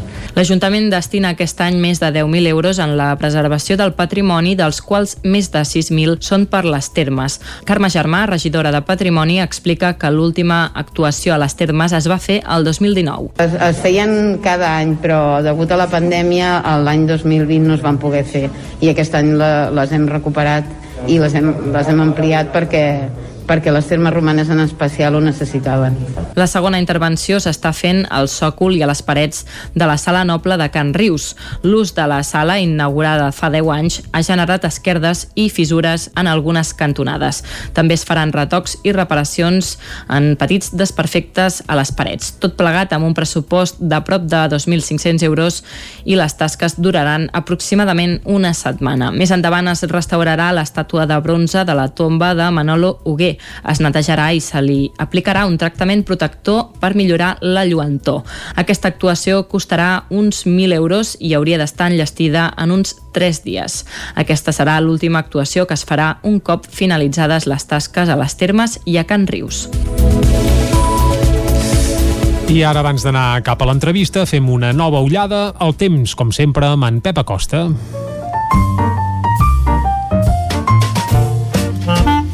Casa Terradellos us ofereix el temps. En Pep, aquí saludem de nou. Bon dia, Pep. Hola, molt bon dia. I molt bona hora. A partir d'avui uh -huh. ens afectarà l'anticicló, uh -huh. s'acaba la pertorbació, aquesta que ens ha afectat, que ens ha afectat aquesta setmana, se n'ha anat, uh -huh. s'acaba la injecció de vent de nord, també se'n va, i ens arriba l'anticicló per l'oest de la península ibèrica.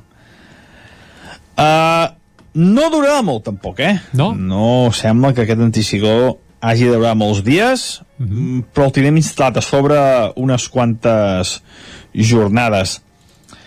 Uh, per començar avui, com deia, les temperatures encara són una mica fredes, a la nit encara s'ha baixat una mica d'aquests 5 graus, la majoria en, de valors entre els 3 i els 7-8 graus a les nostres poblacions. Fresca, fresca. Però hi ha molt més sol, molts pocs núvols, molt de sol, i al migdia ja superarem els 20 graus.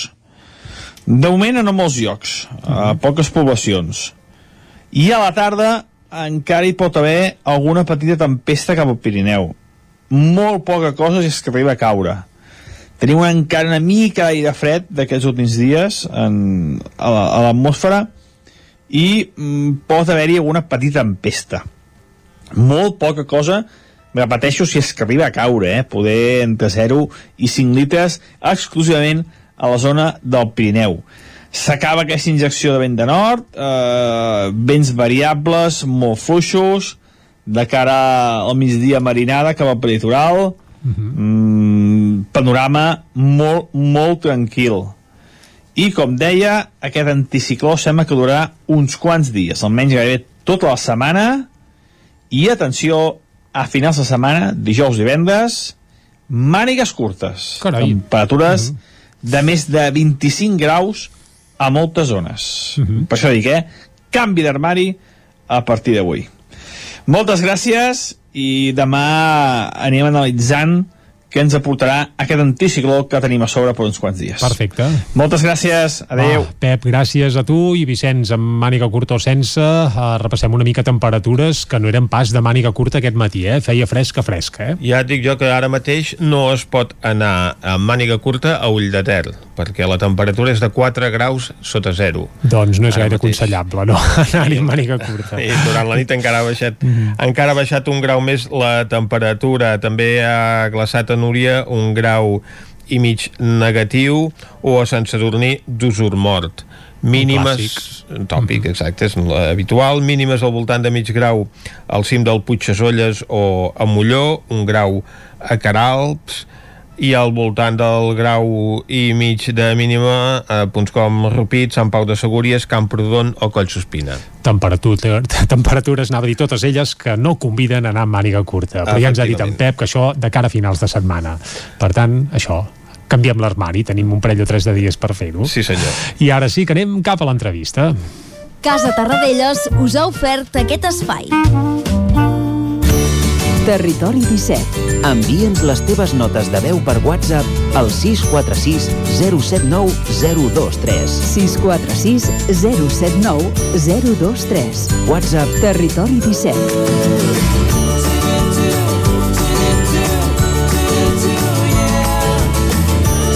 Territori 17.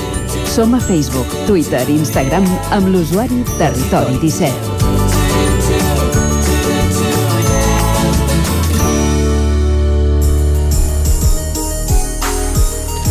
Dimecres passat es va fer a Granollers el tercer congrés del Sindicat Comissions Obreres a les comarques del Vallès Oriental, Osona i el Maresme, on és la primera força sindical amb un total de 15.300 afiliats.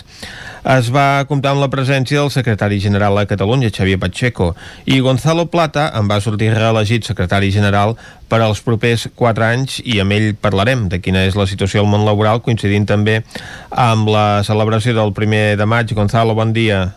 Bon dia, com esteu? Doncs eh, molt bé, i primer de tot amb ganes de felicitar-te perquè va ser escollit amb un 99% dels vots.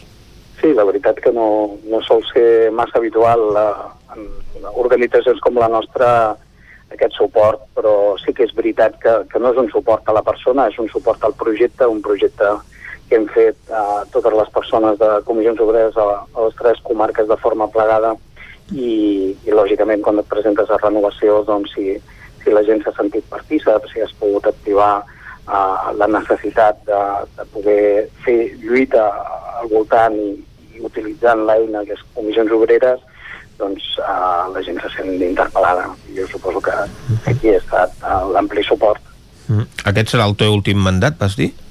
Sí, sí, sí, sense cap tipus de dubte i a més a més a- amb, una, amb un objectiu clar entre molts altres però un de caràcter intern que és aprofundir en la renovació generacional del sindicat, així ho hem fet en la configuració de la nova executiva i així ho continuaré fent. Un dels objectius importants d'aquest mandat és trobar una persona que pugui liderar la nostra, la nostra entitat a, a les tres comarques. Mhm. La renovació d'aquesta executiva, així com l'informe de gestió, doncs també van ser aprovats amb, amb una gran unanimitat. Es veu doncs, un moment dolç al sindicat. bueno, viu un moment molt, molt, molt complicat. Uh, Mhm. A més a més, t'haig de dir que, que, que jo des que vaig entrar, des que vaig assumir la secretaria general, uh, no he tingut, per dir-ho d'alguna manera, un moment de calma. Mhm. Arrencar enmig de la crisi de la subprime i, i renovo enmig de la crisi de la Covid. Però sí que és veritat que l'intern ens, ens ha obligat a, a, aquesta situació a cohesionar-nos. Uh, quan, quan venen tan mal dades no tens uh, massa temps per, per, per les valituds i, i estem molt tensionats perquè la situació ens ho, ens ho requereix, el volum d'acció que duem a terme, especialment des del 14 uh, de març del 2020, que, que vam començar a, a atendre les persones de forma gratuïta durant, mentre durava l'estat d'alarma que ens va mantenir confinats i, a més a més, uh, gestionant ERTES que, que, que era com, com una fàbrica de fer ERTES, és a dir, Uh -huh. en compte que vam, a l'any 19, en aquestes tres comarques vam gestionar aproximadament uns tre una trentena d'ERTES. Ara, uh Mhm. -huh. ara ja, estem, ja estem per sobre de 600, no? És a dir, és, és una bogeria el volum de feina que tenim, perquè és una bogeria la situació que té la gent treballadora. Uh, estem parlant d'expedients de, de regulació temporal, no? aquesta mesura que ha aplicat el, el govern en aquesta situació de pandèmia i que ara mateix, d'aquí unes setmanes, haurien de vèncer, tot i que hi ha una negociació oberta amb el Ministeri de Treball. Sí. La nostra voluntat és que tirin més enllà. Han, demostrat ser una, una eina útil per, perquè hi hagin empreses que no, que no caiguin en el primer uh, embat que li pugui provocar aquesta crisi. Però ara no ens preocupa tant eh, mantenir la figura dels ERTES, que jo crec que amb la patronal eh, hem arribat a un entente cordial i podem, podem tirar-ho endavant, sinó que ens preocupa el post-ERTE. I a més a més que hi ha empreses que ara mateix podríem començar a pensar que, que aguanten única i exclusivament per aquest fet. Aleshores, eh, s'ha de, de millorar el, la capacitat productiva de les nostres empreses i s'ha de millorar sobretot la, la capacitat de generar eh, productes i serveis, és a dir, de tenir clients. Uh -huh. No hem d'oblidar que nosaltres som una economia fortament internacionalitzada. Aleshores, la situació Covid és internacional i ens afecta a tots. Però també és veritat que som una economia que penja molt del seu propi consum. Aquesta crisi és una crisi de consum, no és una crisi financera. Això què vol dir? Que els bancs no tenen problemes per donar crèdits. El problema el posen ells, eh? I, uh -huh. després, si vols, parlem de bancs, perquè darrerament BBVA i Caixa uh, n'hi ha per cremar-ho tot. Estem parlant, no? Avui, avui en parlàvem a l'editorial del programa perquè mm. aquest, doncs aquests eh, dos bancs volen acomiadar més de 10.000 treballadors. Estem parlant de que el sector bancari ha perdut en els últims anys un terç de la seva doncs, massa de, de treballadors i ens trobem amb el cas del BBVA que el primer trimestre doncs, d'aquest any 2021, en plena crisi de la pandèmia, ha guanyat 320.000 euros per treballador que vol acomiadar. Correcte. És que, a més a més, això has d'afegir que aquest és un sector que vam rescatar nosaltres, eh? Uh -huh. I, que, I que en cap moment, eh, en, en aquell moment el govern de l'Estat era del PP, en cap moment es va plantejar la necessitat de que com a mínim en part ens retornessin part d'aquests calés que nosaltres hi vam posar.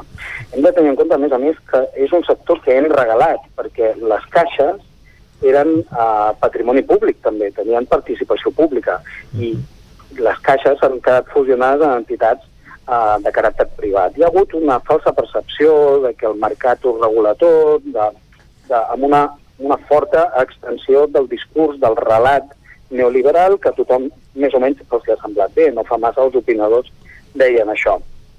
Jo crec que ens hem donat compte de que ha d'haver-hi un fort equilibri i que hem de passar comptes. Hem de passar comptes amb, amb aquests bancs que hem rescatat nosaltres i que ara no només és que facin al carrer gairebé 12.000 persones, sinó que a més a més tanquen oficines en pobles, a més a més en el nostre territori, en, en llocs on, on el transport públic no és mm, precisament de primera divisió, uh -huh. on gent gran que té un problema amb la bretxa digital o gent no tan gran eh, pot quedar fora de l'atenció necessària d'un sistema financer. És a dir, persones que tindran diners al compte, que rebran la pensió o que, o que rebran el salari o que tindran eh, que gestionar ingressos, que han de fer igual 30 o 40 quilòmetres per poder anar a, a, la, primera, a la primera oficina que trobem oberta. Wow, uh -huh. I em sembla, em sembla jutjat de guàrdia. I uh -huh. també no hem d'oblidar que això és culpa de la reforma laboral. És a dir, si avui en dia en el nostre país continuem acomiadant persones amb beneficis, que és una altra cosa que, que, que Europa mai li demanaria a Alemanya, o mai li demanaria a Itàlia, o mai li demanaria a França, on per cert no es pot fer, uh -huh. passen al nostre país perquè la reforma laboral no és derogada. Ha de ser derogada amb urgència, però no només això, li hem de donar un missatge a Europa. No demani a Catalunya el que no demana a, a, a Baviera. Uh -huh. o, no o faci allò necessari perquè tinguem el mateix nivell de protecció tots els europeus. Un altre exemple que posa sobre la taula Bosch, Lliçà uh, ha tancat amb una companyia que té 2.000 milions d'euros de benefici. Clar, resulta que si... Per què no ho ha fet a França? Bueno, doncs perquè a França, encara que els costos laborals són molt més alts, resulta que tu per marxar has de deixar la planta reindustrialitzada. Mm. És a dir, si vols que ha de marxar, ha de venir una altra firma que en aquella planta continuï fabricant, continuï fent uh, manufacturació. Uh -huh. Clar, aquí no, aquí no. Aquí se'ns demana que fem els esforços que la resta d'Europa uh, no vol fer bueno, jo crec que, que els governs han de tenir clar que, que no han de passar per aquí, uh -huh. que han de posar-se forts. I nosaltres, la gent treballadora, bé sigui per compte propi, bé sigui per compte d'altre, perquè un país amb gairebé un 90% de pimes i micropimes és un país netament treballador, aquí no tenim els de l'IBEX 35, no, no, majoritàriament no hi són aquí, encara que hi ha algun, uh, hauríem d'apretar, hauríem d'apretar d'una manera clara pel bé, pel repartiment de la riquesa, perquè només creixen en consum sortirem d'aquesta. I per créixer en consum la gent ha de tenir calé a la butxaca. I perquè la gent tingui calé a la butxaca necessitem que pugi l'SMI, que els convenis tinguin salaris adequats i que tothom tingui dret a una vida digna. Bé, Pedro Sánchez ha, ha promès 800.000 llocs de treball, la creació de tots aquests llocs de treball a través dels recursos que, a, que s'aconseguiran doncs, amb aquest fons d'ajuda europeu. Mm, em permetrà la broma, eh? Uh -huh. no, és el, no és el primer socialista que, que promet 800.000 llocs de treball. Ojalà, eh? No tinc cap problema, és a dir, ans al contrari, no siguin 800.000, que siguin 900.000. A mi em preocupa que creem llocs de treball depenent de finançament extern. El que hem de crear és riquesa. Aleshores, per crear riquesa segurament haguem de fer un canvi de model productiu en el nostre país. Uh -huh. I per fer un canvi de model productiu hem d'atacar, jo crec que els Next Generation venen ben, ben orientats, eh? hem de parlar d'energia. Avui, per exemple, hi ha una manifestació davant del Parlament de Catalunya sobre on ubiquem uh, les plaques solars, on ubiquem l'eòlica. bueno, aquí hem de fer un debat i, mentre no tinguem govern a la Generalitat no podrem fer debat a Catalunya. Uh -huh. Estan a punt d'arribar els Next Generation no tenim govern a la Generalitat. Uh, bueno, Catalunya s'ha de posar les piles, ens ha passat per davant, per exemple, Extremadura en temes d'energies uh, d'energies verdes. Clar, no pot ser que, que una de les zones d'Europa amb més capacitat productiva i on sempre hem tibat de l'economia europea, de tenir en compte que entre els dos vallesos i l'eix C-17 eh, tenim tanta indústria com tenen a Milà, som l'altre pool industrial potent del sud d'Europa, uh -huh. no pot ser que, que, que ens descuidem, que no... És com a casa eh, es passa quatre setmanes sense netejar, si et passes quatre setmanes sense netejar tens problemes de salubritat. Bueno, doncs aquí portem massa temps sense netejar casa nostra, sense, sense governar, i necessitem es governa eh, el dia a dia, uh -huh. però no hi ha un govern que aixequi el cap, que pugui fer projectes que, a més a més, no es facin la competència entre ells. Tindríem problemes indústria, treball, treball, indústria, quan són dues conselleries que haurien de treballar. Gonzalo, hem de deixar-ho aquí, se'ns acaba el temps ve la pausa Ai, de publicitat. Gràcies per acompanyar-nos i enhorabona de nou per aquesta renovació per aclamació. Moltíssimes gràcies. Vinga, salut. El nou FM, la ràdio de casa, al 92.8. Si has nascut el 1961 o abans, ja pots fer el gest que estaves esperant. Si encara no tens cita per vacunar-te, demana-la ara a vacunacovidsalut.cat. Recorda, vacunacovidsalut.cat. Salut, cuidem el que som. Catalunya 2030, Generalitat de Catalunya. La Cakery. Pastissos personalitzats, galetes, cookies, brownies i molt més. Ens trobaràs a Vic, al carrer de Gurb 34 Baixos, al telèfon 93 886 70 51 i també a Instagram i Facebook. Xalant Moda i Complements. Nova temporada primavera-estiu. Moda home-dona, nen-nena, sabates, bosses de mà, maletes, complements i molt més. Vine a veure'ns, trobaràs una secció d'ofertes amb roba de la temporada passada a 10 euros i 19 euros. Vine a Can Xalant, ens trobaràs al carrer Sant Tomàs número 6 de Call d'Atenes. També a Instagram i Facebook. Anuncia't al 9FM. La màquina de casa. 9 3 8 8 9 4 9 4 9. Publicitat arroba al 9FM.cat. Anuncia't al 9FM. La publicitat més eficaç. Rètols 2 Arts. Experts en comunicació visual. Rètols, banderoles, vinils, impressió, plaques gravades, senyalització, display... Rètols Dos Art. Ja són 25 anys al vostre servei. Ens trobareu a la carretera de Vic a Olot, número 7, al polígon Malloles de Vic. dosartvic.com Telèfon 93 889 2588. Hi ha sensacions que són úniques. Aquell bany relaxant, mirar per la finestra quan plou i com les calderes Bailand, que li ofereixen fins a 15 anys de cobertura total amb el servei tècnic oficial Bailand. Informis a Oficiat Nord trucant al 93 886 0040. Amb el servei tècnic oficial de Bailand, la seva caldera estarà en les millors mans. A Corretja tenim tot el que necessites per la teva llar. Tot tipus de paviments i revestiments, sistemes d'aïllament, cobertes, parquets, aixetes, ferreteria, pintures, fixació i cargoleria, vestuari i material de seguretat. Disposem de més de 3.500 metres quadrats d'exposició amb una nova zona exterior d'aïllaments. A Corretja som especialistes en cuines i banys. Us assessorem, dissenyem i realitzem el projecte des de l'inici fins a la fi del muntatge. 100% cuines, 100% banys. Al carrer Mas Vigues 8 de Vic, a corretja-sl.com o a Instagram. 100% materials per la construcció i la decoració. 100% corretja. El 9 FM, la ràdio de casa, al 92.8.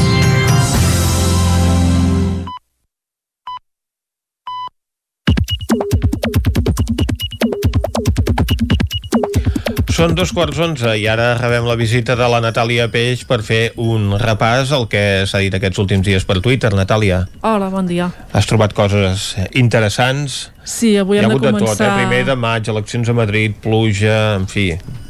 Uh, I el Barça, evidentment. Sí. Molts temes per comentar. En parlarem de, de diversos temes dels que has comentat. Comencem, però, amb una notícia trista. Uh, ahir moria Quim Feixes, veí de Taradell, empresari del món de la fusta, a causa d'una caiguda accidental al castell d'en Boix. Uh -huh, I hi ha hagut- recordat aquest matí. Exacte, hi ha hagut diverses mostres de condol també a través de la xarxa. El periodista Xavier Bardolet no se m'acut res més que expressar des d'aquí la meva consternació per la mort d'en Quim Feixes, entre moltes altres coses, exdirector del setmanari Torelló, implicat en tantes i tantes coses, generós, pencaire i activista com pocs, una immensa abraçada a família i amics.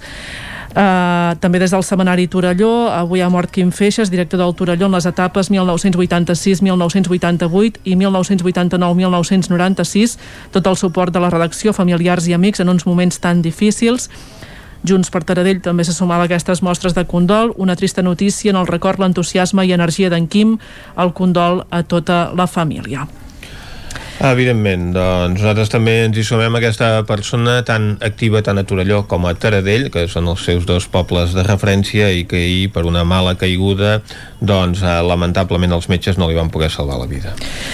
Sobre la notícia que publica avui el 9-9 d'Osona i el Ripollès, el túnel de Toses reobrirà aquesta setmana. Montse Iats, directora d'EUMO i membre del grup perquè no ens fotin el tren, diu hi ha coses que costen molt d'entendre més de 10 mesos per arreglar un túnel amb poca informació, sense haver solucionat connexions amb França, sense saber si es recuperen tots els trens. Això sí, correm tots a fer-nos la foto. En relació a les eleccions de demà a la Comunitat de Madrid, Xavier Tornafoc, historiador, diu Ayuso se equivocó de lema, debería ser bocata de calamares o socialismo. La Yolanda Sey, ahir, és a dir, divendres, amb The Say Sisters vam estrenar The Journey.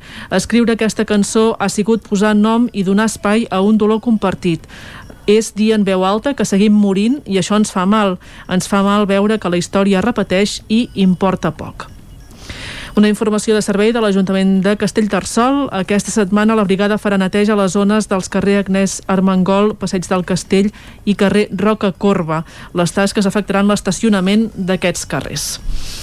Sobre eh, el Barça femení, eh, que es va Mhm. classificar per la final de la Champions, hem recollit un parell de piulades. La primera de Teresa Jordà, consellera d'Agricultura, sense tant soroll, pim-pam a la final. La segona de Margarida Feliu, vicepresidenta del Consell Comarcal d'Osona, com hem disfrutat a la final de la Champions. I també en relació a l'esport femení... A la semifinal. A la final ja hi disfrutarem d'aquí uns quants dies. A la final és a on, a on han arribat, Exacte. no? També dèiem en relació a l'esport femení eh, una piulada de Lima Puigcorbé. Avui he anat a fer una cursa de muntanya. Feia molt temps que no en feia cap i he quedat parada del munt de mosses que ara corren i posa una cara somrient amb els ulls en forma de cor. Quina il·lusió que hi hagi tantes senglars i veure tan bon ambient. Aquest esport em dóna ales. La Jenny Gran ha tingut una mica de mala sort, diu, us passa a vosaltres? Quan trepitges caca de gos exclames merda i t'imagines a la merda contestant, efectivament. I amb unes etiquetes que també ens escriuen la situació, dilluns, comencem bé, efectivament. I acabem amb un tuit habitual matinal d'en Francesc Mateu, quan de sobte floreix un cactus és sempre una sorpresa i quan floreixen amb aquests colors tan vius i amb aquesta exuberància encara més. Sorprèn el que pot amagar al seu interior una planta aparentment monòtona i impassible. Les aparences poden enganyar. Doncs amb la, la floritura d'aquest cactus nosaltres tanquem el repàs als tuits de la jornada i ara el que farem és una ullada a les portades del 99.cat. Comencem al Vallès Oriental. Un jurat popular jutja l'home acusat de la mort a ganivetades d'un vigilant de seguretat a Mollet l'any 2003. Tanca l'escola Bressol de Figaró pel positiu d'un alumne i la mitja marató torna a canviar de data fins al 5 de juny amb un nou recorregut. Aquestes són les tres notícies més destacades ara mateix i en el cas de l'edició d'Osona i el Ripollès eh, encapçala amb l'entrevista a la delegada del govern a la Catalunya Central Alba Camps amb el titular Falten molts elements per dir que hi ha identitat de la Catalunya Central la segona notícia més destacada és la crònica titulada Dormir en una església sobre la polèmica a Torelló per l'obertura d'un allotjament rural a l'església de la Coromina i el tercer titular, baralles, furts i incivisme, també una crònica de problemàtiques que s'estan donant a diferents municipis relacionades amb menors que estan al carrer. Molt bé, doncs moltes gràcies Natàlia, nosaltres anem ara cap a la taula de redacció. Territori 17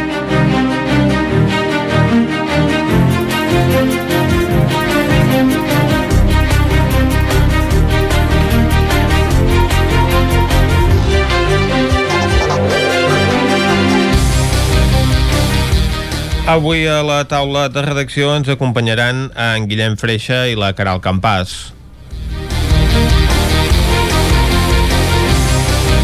Comencem, Caral, parlant d'aquesta marxa enrere de l'equip de govern de l'Ajuntament de Caldes. No hi haurà aparcament a la zona verda de l'altre cantó de la Riera, oi?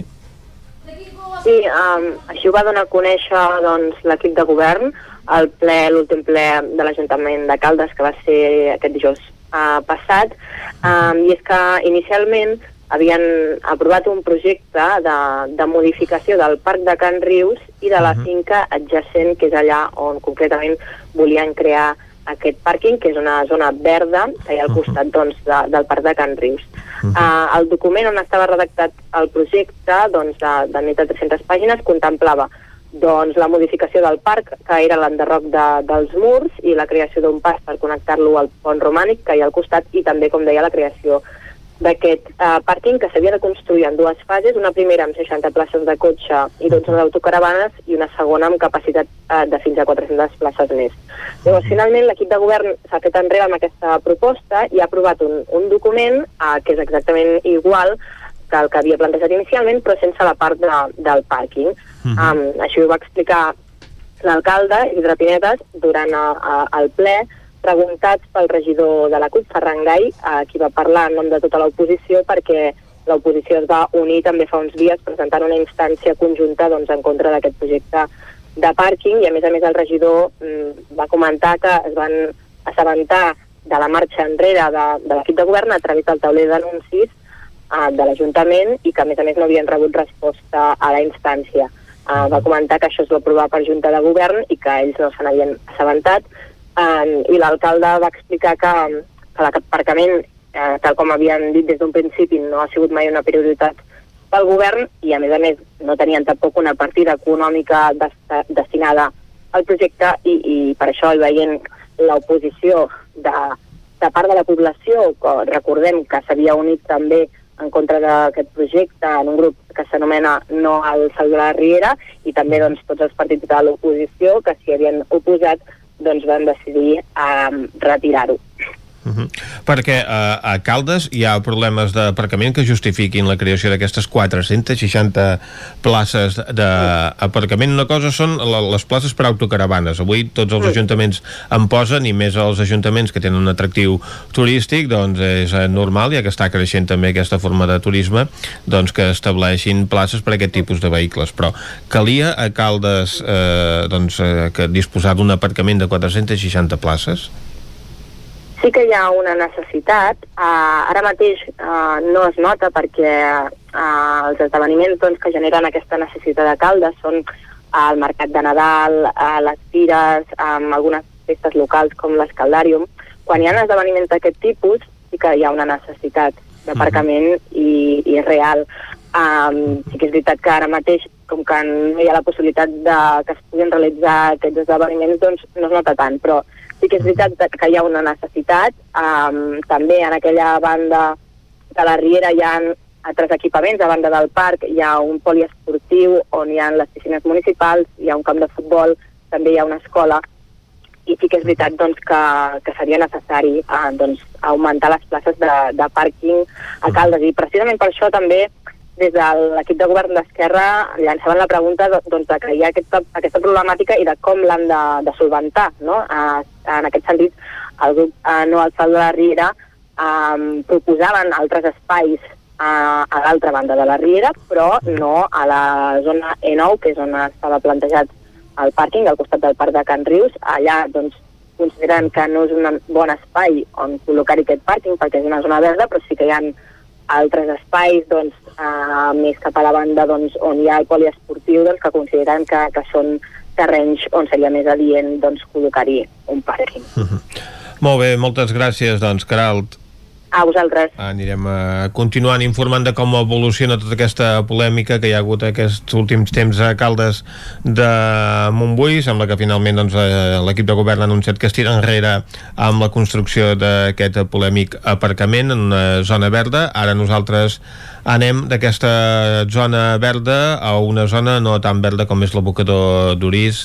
Sí. Guillem Freixa, bon dia. Hola, bon dia, sí, una zona no, no tan verda, però no. molt important. Al voltant sí que és tot molt sí. verd i molt bonic. I sobretot els, les parts que s'han clausurat sí que es van recuperant amb aquest, uh -huh. amb mhm. aquest verd. Com dèiem, eh, una instal·lació molt important tant per Osona com el Ripollès, perquè és on hi va la fracció rebuig, que no es pot tractar de cap de les maneres, doncs acaba uh -huh. enterrada en aquesta zona zona del Bisaure. Eh, l'abocador d'Uris, que a finals d'any té previst eh, clausurar la fase 3.1, um, uh -huh. què vol dir això? Què vol dir la fase 3.1? Doncs l'abocador d'Uris té una gran zona A, que ja es va clausurar fa uns anys, uh -huh. i ara s'està treballant o s'està omplint la zona B, aquesta zona B que està dividida en tres fases, la 3.1, uh -huh. 3.2 i 3.3. Doncs aquesta fase 3.1, eh, segons les previsions de generació de deixalles dels últims anys, es preveu que uh -huh. a finals d'aquest 2021 quedi plena fins a dalt, s'hagi de clausurar i -huh. s'hagi de començar a obrir un segon vas. Aquest segon vas ha començat a obrir-se eh, ara, entre el mes de finals de mes d'abril, principis de mes de maig, s'està obrint uh -huh. aquest vas de la fase 3.2 i això vol dir que s'obre el penúltim forat aprofitable uh -huh. en aquesta zona de l'abocador d'Uris. En quedarà un, un tercer, la fase 3.3, i això vol dir que també, segons la previsió de la generació de deixalles d'Osona i el Ripollès, en aquest abocador uh -huh. d'Uris li quedaria una vida útil aproximadament de 20 anys, per tant, fins al 2040, 2041, es podria anar utilitzant com a abocador uh, l'abocador d'Uris. Si Això... no reduïm el volum de les deixalles, Exacte. tots plegats. Uh, ho expliquen els uh, responsables, per exemple, el conseller comarcal uh, d'Osona del cicle de residus, Albert uh, Castells, també regidor de l'Ajuntament de Vic, explica uh -huh. que fer previsions amb les deixalles és complicat per, per aquest motiu, perquè hi ha diverses, uh, diferents variables que poden afectar uh, la quantitat de residus que s'entren cap a l'abocador. Uh, D'una banda, el moviment demogràfic, si, si augmentem uh -huh. de població, si disminuïm, si quedem estancats, i de l'altra també els eh, sistemes de, de gestió, de recollida, de triatge de les deixalles, i aquí uh -huh. hi juga un paper molt important la població perquè si la població fa una primera feina ben feta a casa, de seleccionar bé els residus i aprofitar el que es pot reciclar, posar-ho a llocs on es poden reciclar, el vidre, el paper, el cartró, i -huh. només s'envia cap a l'abocador d'Uris a enterrar allò que no es pot aprofitar de cap de les maneres, uh -huh. doncs anirà baixant aquesta xifra de residus que hi entrem i per tant la vida útil es podria anar augmentant. I és que les deixalles, quan surten per la porta de casa amb el cubell, uh -huh. no desapareixen. Uh -huh. uh, se'n van a Uris, s'enterren, algunes es recuperen, però no desapareixen. Uh -huh. I tot això té un... I només es transforma la matèria orgànica. Sí, i quan es transforma la matèria orgànica normalment uh, genera genera més residus que s'han de tractar, com són, per Mhm. exemple, els lixiviats. I això també és el que avisaven des d'aquesta àrea del cicle de residus del Consell Comarcal d'Osona, que la gestió de l'abocador d'Uris està costant ara mateix 1.400.000 euros anuals. Per tant, uh Mhm. -huh. és un import eh, elevat i que dins d'aquests eh, costos eh, hi ha una, una part també molt important de gestió de, de lixiviats. El que dèiem, 458.000 euros per gestionar aquests lixiviats.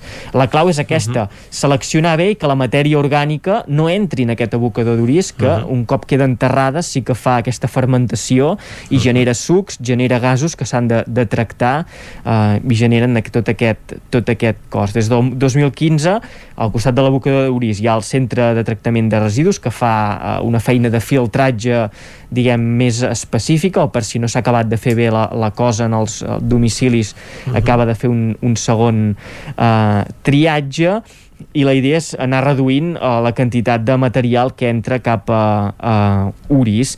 Aquest abocador d'Uris que va entrar en funcionament el 1994, uh -huh. el 2007 uh, s'hi va afegir el, el Ripollès també a portar residus uh, cap aquí. Uh, fa uns dies sabíem el que costava la gestió de l'abocador de les Lloses, l'abocador clausurat de les Lloses, el, uh -huh. el Ripollès, Aquí a Osona, el primer abocador controlat que hi va haver va ser el de Cal Gitanet, eh, situat eh, en sentit Manresa, a mà dreta de la, de la C25, de l'eix transversal més o menys a l'alçada de, de l'àrea de, de GURB, de l'àrea de servei uh -huh. de, de GURB.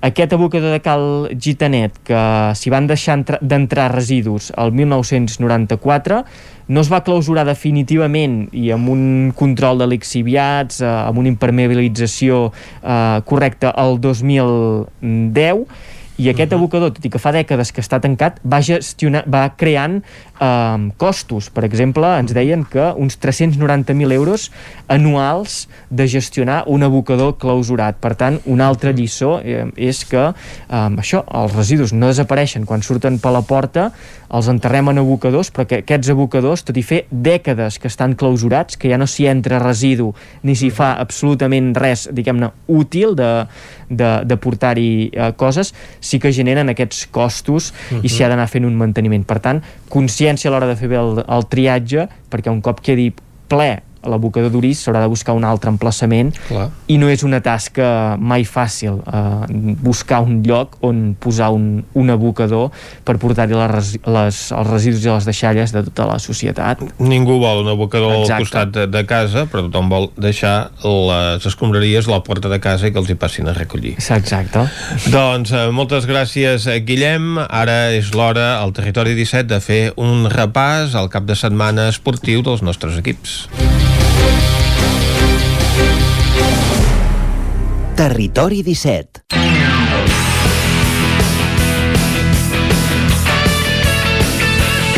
I quan passen dos minutets de tres quarts d'onze del matí, com bé has dit, Vicenç, anem a fer un repàs a com els ha anat esportivament parlant al cap de setmana els equips del Territori 17 i aquest repàs l'arrencarem anant on? A Ràdio Cardedeu, allà ens espera l'Òscar Muñoz. Òscar, bon dia. Bon dia, Jordi, bon dia, Vicenç. Com ha anat el Doncs sí, cap de comencem. setmana esportiu? Doncs amb sorpreses. Ha vingut amb sorpresa aquest cap de setmana.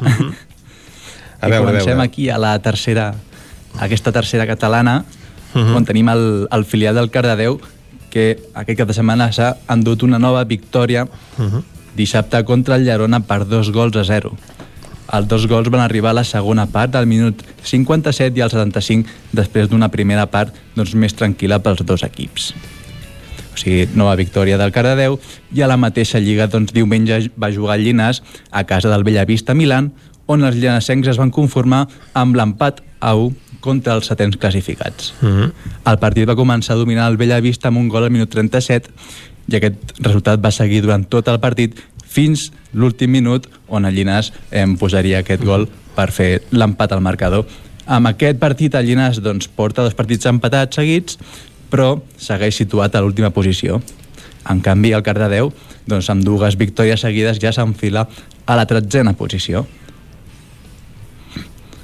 Del futbol anem a l'handbol, on el sènior masculí doncs, va perdre a casa del Vilamajor per dos gols de diferència, 33 a 31. Amb aquest fa amb aquest partit fa que el sènior masculí hi hagi perdut quatre partits en aquesta Lliga Catalana Sènior Mhm. i això fa que perdin eh, una posició a la Lliga. Ara van quarts. I ara ens anem de Cardedeu a Granollers, on l'Europa haurà d'esperar una jornada més per proclamar-se campió de la Lliga Tercera eh, catalana de tercera divisió, després de perdre contra l'Esport Club per 3 a 1. O sigui, els granollerins van arribar amb més perill a l'àrea rival i així ho van demostrar amb aquesta victòria que només serveix doncs, per enredarir eh, la victòria de l'Europa a la Lliga, ja que doncs, l'Es- l'Esport Club eh, segueix últim. I per acabar, acabem amb l'handbol, on les noies del CAC 7 em tornen a encaixar una nova derrota i encadenen la pitjor mala ratxa de l'any. Em, L'Aula Alimentos del Valladolid es van portar els dos punts al Palau d'Esports per 27 a 29 després de fer un partit doncs, molt seriós durant tot el partit. Em, les noies del Valladolid, això, em, van ser superiors des de l'inici fins al final i això, li han retallat dos, dos punts importants al CAC 7 a la classificació. Molt bé, doncs Òscar, moltes gràcies. A vosaltres. Ara nosaltres anem de nou a una codinenca. Caral Campàs, bon dia. Bon dia, doncs començo repassant els resultats pel que fa al futbol. Al grup 5 de tercera catalana tenim el Castellterçol, el Mollà i el Sant Feliu.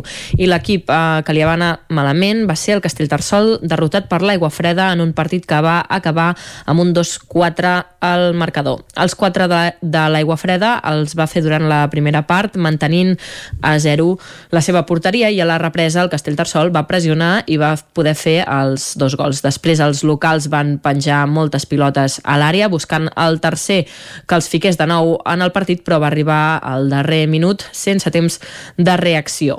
I el Mollà i el Sant Feliu van guanyar. El Mollà s'enfrontava al Roda de Ter en un partit que va acabar amb un 1 a 3.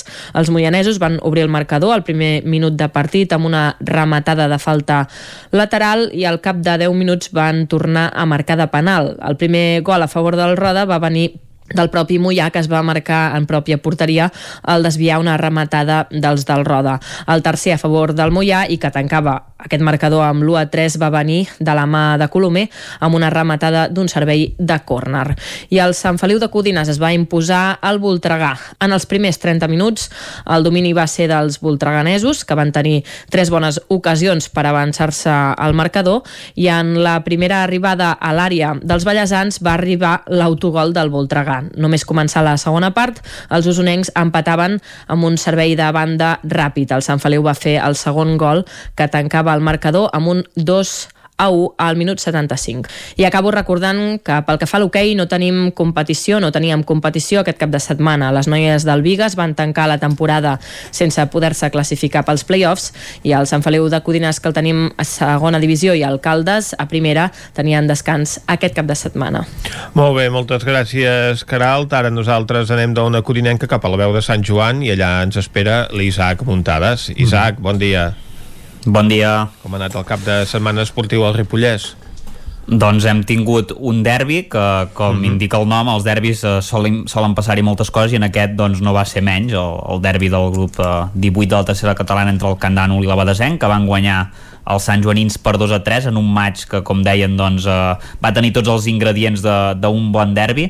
A la primera part, de fet, el Camp de Bànol es va arribar a posar 2 a 0 en un sol minut, perquè primer Puigcorbé va rematar des de dins l'àrea després d'aprofitar un rebot per fer l'1 a 0 i un minut després el propi Puigcorbé doncs, va fer doblet aprofitant el, el rebuig del porter un tir de Mercè i, i bé, la Badesenc també havia tingut una ocasió molt clara que, que van ajustar del pal, uh, Christian també havia tingut un, un centre xut i just abans del descans uh, el conjunt Sant Joaní doncs va iniciar la remuntada amb un gol de Garcia que només va haver d'empènyer doncs, un rebuig del porter Celles i a la segona meitat doncs, van completar aquesta remuntada no? uh, sí que el Badesenc va ser més efectiu que el Camp de Bànol en aquest cas uh, Dani va finalitzar un contraatac per establir l'empat a dos només de començar la segona part i després aquí el Camp de Bànol va tenir diverses ocasions de gol amb tirs d'Adriel, Ernest i, i Mercè que el porter Jaume doncs, va ser l'home del partit perquè va salvar doncs, el, el conjunt visitant.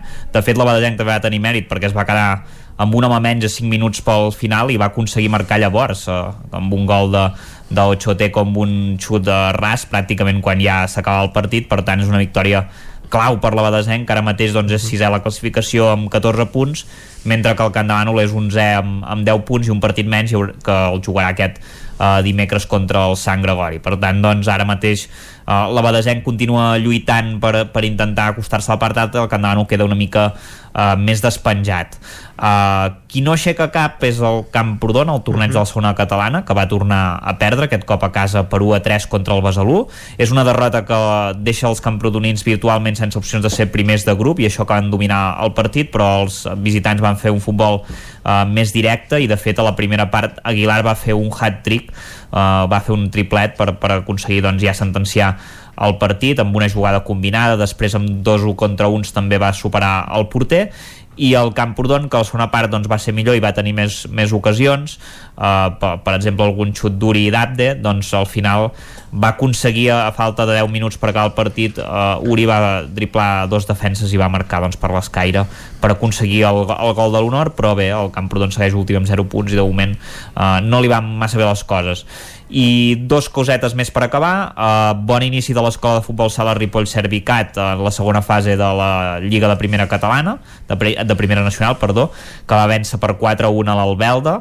Uh, i bé, ara sumen els tres primers punts i són co-líders juntament amb el Padre Damián. Uh, a la primera part van jugar bastant bé, el seu porter a més a més el porter del Ripoll va estar molt bé i van acabar guanyant 2 a 0 i al final a segona part doncs, aquest 4 a 1 definitiu, uh, tot i que Uh, van tenir algunes uh, patinades en defensa, els jugadors ripollesos doncs, uh, van tenir sort del porter i, va, i van aconseguir aquesta victòria que de moment els deixa líders en aquesta primera jornada, evidentment. I després, uh, per acabar, el Ripoll de la primera catalana d'hoquei, aquest sí que no va aconseguir guanyar, de fet va perdre contundentment contra el Jaiec B que és el líder de la competició per 3 a 7 en un partit que, que la primera part doncs, va acabar 0 a 2 de fet el Ripoll va aconseguir empatar però el, gironins van fer un parcial de 0 a 5 i aquest 2 a 7 al final doncs només van poder maquillar una mica el marcador amb el 3 a 7 amb els gols de Vidal i, uh, i Enric, que en va fer dos i bé, a la segona fase començaran a quarts amb 9 punts, que són els que arrosseguen de, de la primera fase en un grup de, de 9 equips. Molt bé, doncs ho anirem eh, seguint. Gràcies, Isaac vosaltres. Ara nosaltres tenim a l'Ester Rovira per parlar de l'actualitat esportiva a la comarca d'Osona, Ester. Bon dia. I bona hora. Hi ha hagut derbi aquesta setmana. Per variar, eh? Sempre mm -hmm. en tenim algun o altre. Però aquest amb uh, transcendència, no? Sí, sobretot per, per al perdedor, per al, mm -hmm. per al Vic, eh? Perquè ha constatat que uh, una setmana més uh, el Vic no ho hem dit, el Vic de futbol, eh? estem parlant, uh -huh. a la primera catalana eh, doncs eh, està fent una, una temporada molt, molt dolenta eh, uh -huh. el fet d'haver estat tantes setmanes sense competir per positius de, de coronavirus en el seu cas i també per als dels rivals eh, els ha deixat en, en un estat de, de forma um, uh -huh. preocupant, no? tenint en compte les seves aspiracions de d'aconseguir doncs, uh, acabar entre els primers d'aquest subgrup 1 i tenir fins i tot aspiracions de descens um, i després de perdre aquest cap de setmana a casa en un nou derbi de, de la categoria amb el Tona eh, doncs eh, evidentment eh, alguna cosa eh, ha de, sembla que servirà de punt d'inflexió. De fet l'entrenador Albert Càmera eh, va tardar eh, una hora a sortir de, del vestidor on estava reunit amb els jugadors al final del partit intentant analitzar uh, què els passa i trobar una solució.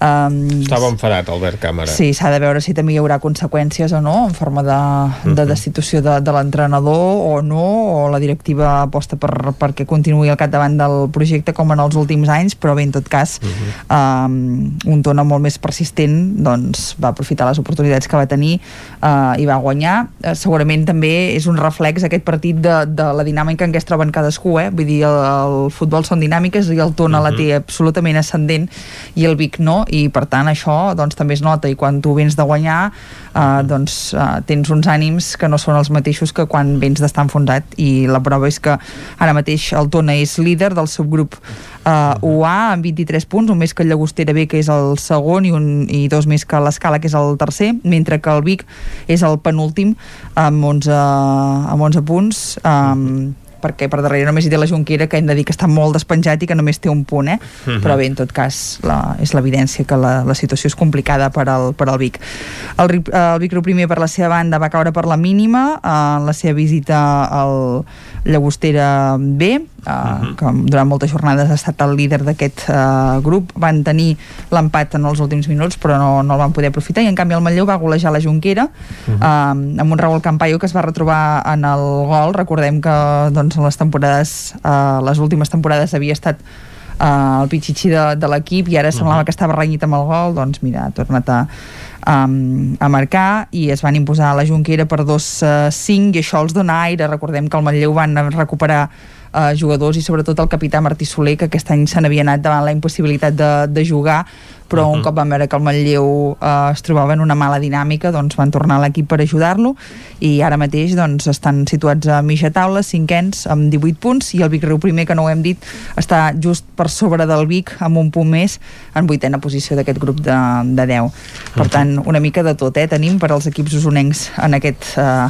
subgrup UA de la primera catalana Exacte. en el cas de, de la, la primera femení. nacional femenina, que és on tenim el màxim equip uh, usonenc uh, en futbol, uh, hem de dir que el Vic Riu primer va sumar un punt davant el Girona i s'ha assegurat continuar una temporada més en aquesta nacional uh, femenina de, de futbol. Van empatar un gol amb el Girona.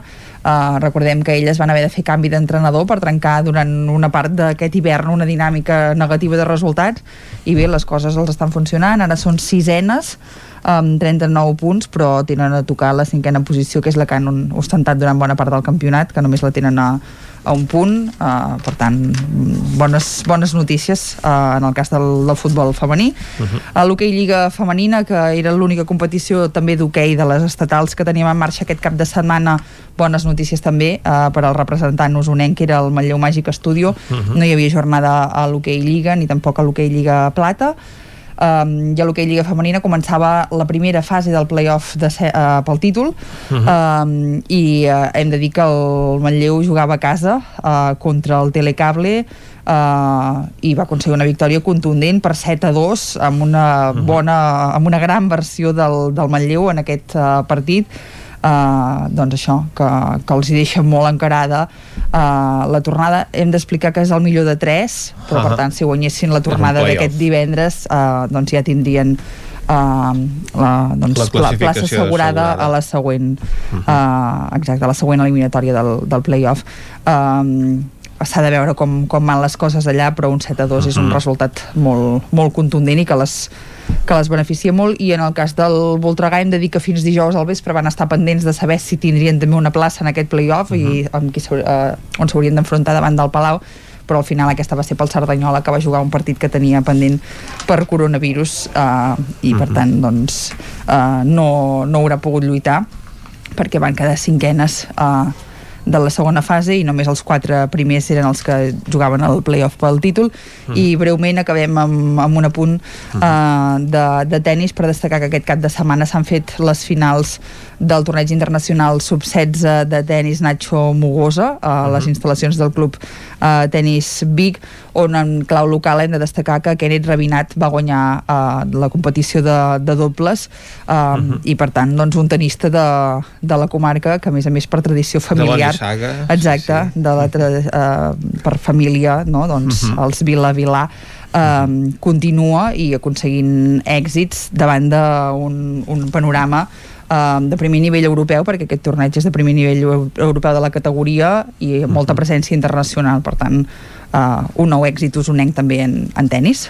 Molt bé, doncs moltes gràcies, Esther. que vagi bé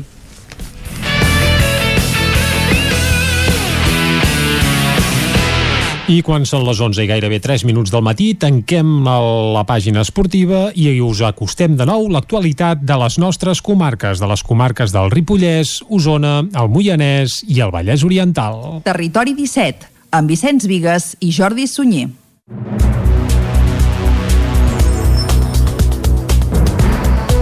El Procicat ha aprovat un nou alleujament de les mesures per evitar el contagi de la Covid-19. El més rellevant és que a partir del proper diumenge es podran tornar a servir sopars presencials a bars i restaurants. La majoria de les restriccions que ja estaven vigents es prorroguen encara durant tota aquesta setmana, tot i que n'hi ha algunes que s'aixequen, com el fet de tancar els parcs infantils municipals a les 8 del vespre. Ara tornaran a ser els ajuntaments els qui decidiran l'horari a cada municipi. El canvi més notori arribarà a partir del diumenge 9 de maig, quan s'aixecaran més mesures, sobretot en l'àmbit de la restauració, que podrà servir sopars de nou. Sentim per aquest ordre el conseller d'Interior, Miquel Sampar, i la consellera de Salut, Alba Barxés.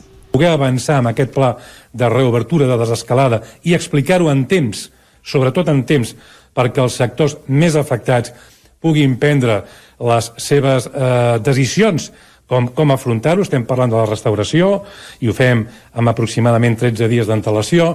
Estem parlant dels parcs d'atraccions que necessiten d'un espai important de temps per poder engegar una altra vegada la seva activitat. Ho hem d'interpretar així, que el toc de queda no seria, no seria a les 10 en aquest cas, perquè la restauració es permet fins a les 11.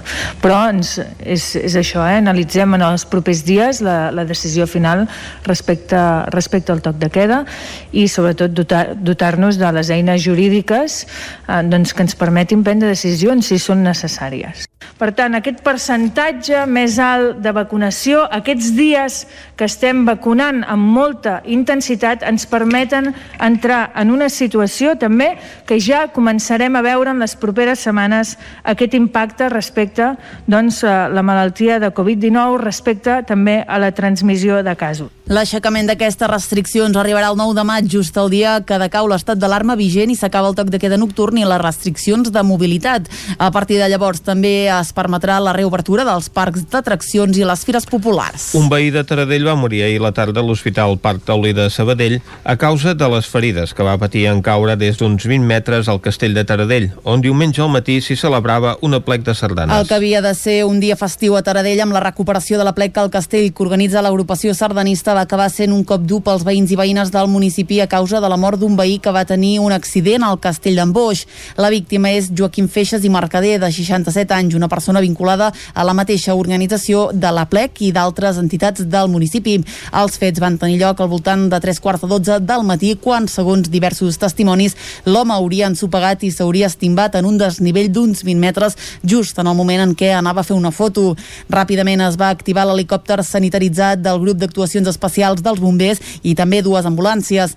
Finalment, però, un helicòpter medicalitzat del SEM el va traslladar a l'hospital, tot i que ja no es va poder fer res per reanimar-lo. Feixes, a banda de formar part de l'agrupació sardanista de Taradell, també era un dels cantaires de la coral L'Arpa i estava vinculat al centre excursionista del poble.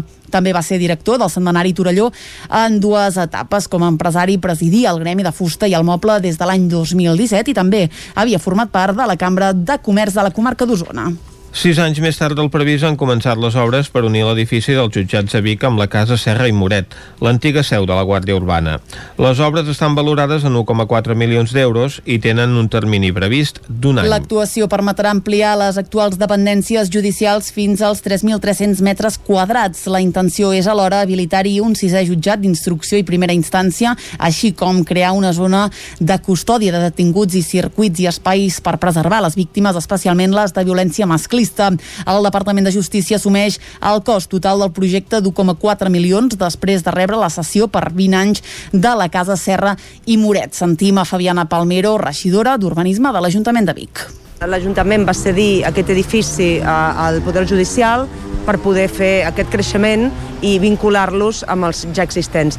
Bàsicament eh, comencen les obres, a la planta baixa eh, hi haurà la, administratius i crec que la, el jutjat de guàrdia, la planta primera anirà a la primera instància eh, i la planta segona hi haurà la fiscalia i serveis tècnics eh, del, del, del jutjat pròpiament.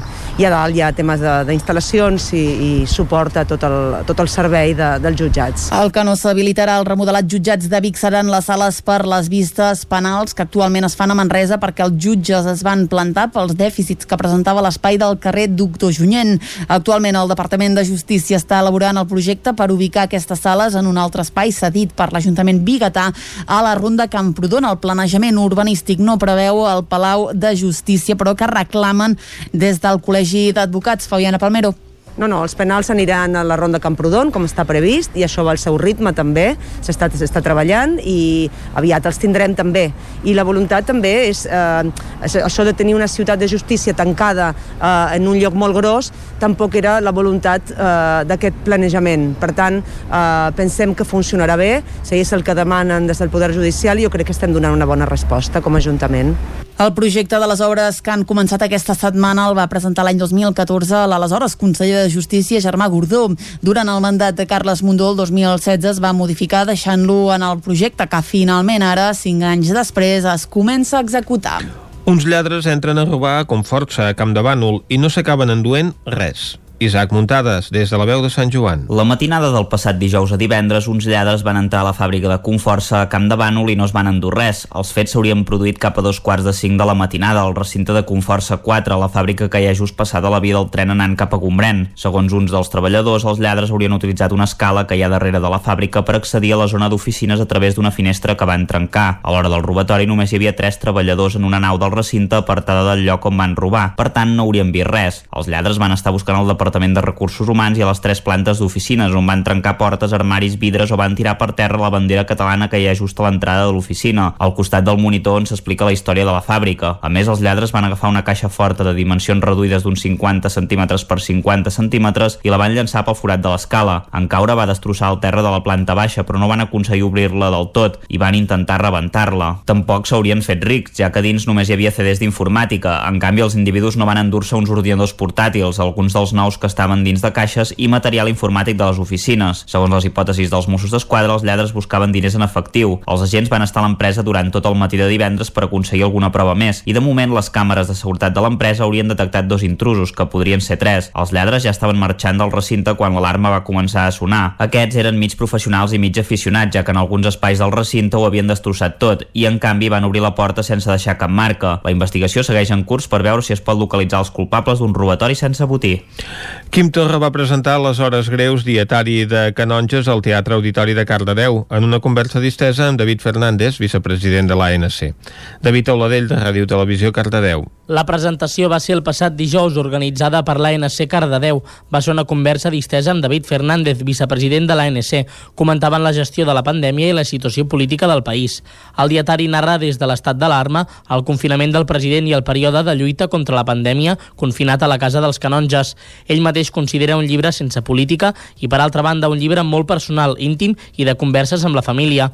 Un dietari per descobrir la persona i no el president. Escoltem Quim Torra. La crònica del dia a dia d'un president confinat a Canonges, perquè jo vaig emmalaltir, vaig haver de fer la quarantena eh, a la casa dels Canonges, al costat del Palau de la Generalitat, eh, sol, durant 15 dies més 15 dies, i per tant, totes aquelles emocions, decisions eh, i moments eh, de responsabilitat que em van acompanyar doncs, durant eh, del 15 de març fins al 30 d'abril. Hi ha qui diu que m'he despullat massa en el sentit de que explico tot el que em passa des de que m'aixeco fins que vaig anar a dormir, tant temes personals com temes polítics, com temes, eh, en fi, tota la preocupació enorme d'uns dies que tots vam viure doncs, amb llàgrimes als ulls i que, i que van comportar només en aquests 45 dies que 10.000 persones morissin a Catalunya. La presentació va comptar amb un decorat simbòlic que va penjar Josep Castells, juntament amb Pep Bou, per donar un caire solemne a l'acte, fent efecte d'aparició de l'estelada amb un canvi d'il·luminació,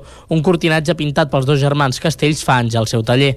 Tant abans com després de la presentació, Quim Torra va fer la signatura de llibres als assistents a l'entrada del Teatre Auditori. Durant la tarda va participar una ruta guiada pel modernisme de Cardedeu de la mà del Museu Arxiu Tomàs Balvei de Cardedeu. I fins aquí el butlletí informatiu que us hem ofert amb Vicenç Vigues, Clàudia Dinarès, David Auladell, Caral Campàs i Isaac Muntades. Ara el que farem és capbussar-nos de seguida cap als solidaris, que ens arriba cada dilluns de la mà de l'Eloi Puigferrer. Doncs ens hi capbussem i anem directament quan falten ara, res, dos minutets per un quart de dotze. Solidaris. Solidaris, amb Eloi Puigferrer. El 26 d'abril de l'any 1986, a la ciutat soviètica de Pripyat tenia lloc un desastre nuclear que encara s'arrossega avui en dia als actuals Ucraïna i Bielorússia. L'explosió a la central nuclear de Txernòbil va ser, i encara avui en dia és, l'accident nuclear més devastador i important que hi ha hagut a la història, i les seqüeles que va deixar encara estan més que patents arreu del continent. La radiació està ben present encara en el sol de tots dos països, fet que fa que molts dels aliments que es consumeixen a la zona estiguin marcats per alts nivells de radiació nuclear, afectant a la vida de totes les persones que hi viuen. Un dels col·lectius més afectats són els infants, que des de ben petits es carreguen d'una radiació que no els farà cap bé al llarg de la seva vida. En el seu cas, marxar unes setmanes d'aquella zona és una teràpia que a la llarga els acabarà ajudant en tots els sentits. I en aquest tractament, la comarca d'Osona hi té molt a veure gràcies a l'entitat Osona amb els nens, que des del 1996 rep l'arribada d'un grup de nens i nenes que fugen del desastre nuclear. Avui, commemorant el 35è aniversari de l'accident, coneixerem aquí al programa Solidaris, des de Ràdio Vic i a través de l'antena de Territori 17, l'acció d'aquesta entitat de la mà de Mercè Fiol i Josep Pujol, presidenta i vocal d'Osona amb els nens. Va ser a l'any 96, la primera vegada que es va fer l'acollida. Tot va venir perquè tres noies amigues d'aquí a la comarca eh, van saber que a Madrid es feien aquestes acollides. Llavors vam dir que podríem intentar. Tenim ganes de muntar una ONG i de col·laborar amb Canalla i van decidir doncs, que ho provarien. Van fer un primer viatge a Ucraïna, eh, van anar a parar a una zona molt a prop de la central i que hi ha els de la UNESCO que estan treballant eh, allà. I llavors, doncs, bueno, eh, ho van conèixer i van decidir portar-ho cap aquí i començar a treballar amb els nens els nens ho necessiten i les famílies d'allà t'ho demanen perquè saben que amb els nens els hi va molt bé per salut. I els governs ho promouen, eh? vull dir que també ho feien llavors. Ja, ja... Almenys els hi permeten fer guisats i coses per poder sortir. El primer any va venir juntament amb una organització de, de granollers per treballar més o menys plegat i saber de què anava i llavors l'any següent, el 97, ja es va fer per, ja es va organitzar tot des d'aquí. Tot des d'aquí amb els nens. Eh? Allà ja hi havia contactes de, de gent que, que es dedicava doncs, a un contacte amb les famílies d'Ucraïna, i a buscar les famílies i els nanos, i aquí es feia tota la gestió, o, també al revés, a buscar famílies per aquí i fer tot, preparar tota la documentació necessària eh? i la logística perquè això funcionés. Fins a l'any 2007, que només vam treballar amb Ucraïna i a partir del 2007 vam començar a treballar en Bielorússia. L'origen de l'entitat va ser aquesta arribada d'infants de la zona afectada per la radiació i encara a dia d'avui segueix sent la seva principal activitat. La seva estada aquí, però, es caracteritza sobretot per l'escal familiar que se'ls dona als nens. L'acció és portar els nanos aquí durant 5-6 setmanes a l'estiu. Al principi, a eren 4 i 8 setmanes, s'havien arribat a fer dos grups, i els nanos estan aquí en família, o sigui, no, no portem nens i els portem en cases de colònies, una acollida totalment familiar, és a dir, agafem els nanos, per, els nanos que venen d'allà, els posem a, a les famílies que, que aquí accepten fer una acollida, que a mi que les triem, bueno, les triem, que, que, ells que busquem, ens venen a buscar. Que ells ens venen a buscar, o que nosaltres els busquem també, perquè és això, la localització de famílies que vulguin fer aquesta, aquesta labor, diguem-ne així, eh? i els nanos doncs, estan a casa amb la família i fan el que la família fa, és a dir, si, eh, el que fa l'estiu, eh? durant els mesos de juliol i agost, què fan ells, què fan ells amb els seus nanos, doncs bueno, eh, es, fa, es tracta de fer exactament el mateix. Eh? Vull dir, no, no hi ha més no hi ha més fita ni més feina que aquesta, eh? que passa que hi ha uns quants hàndicaps, eh? els nanos doncs això, no parlen, no parlen la nostra llengua, Eh? Però al cap de quatre setmanes ja la parlen perfecte, eh? ja, ja tots s'entenen, eh? I ja està. Res més. A partir d'aquí... Doncs... Ser un mes de la família, i prou. No, no hi ha cap més necessitat específica.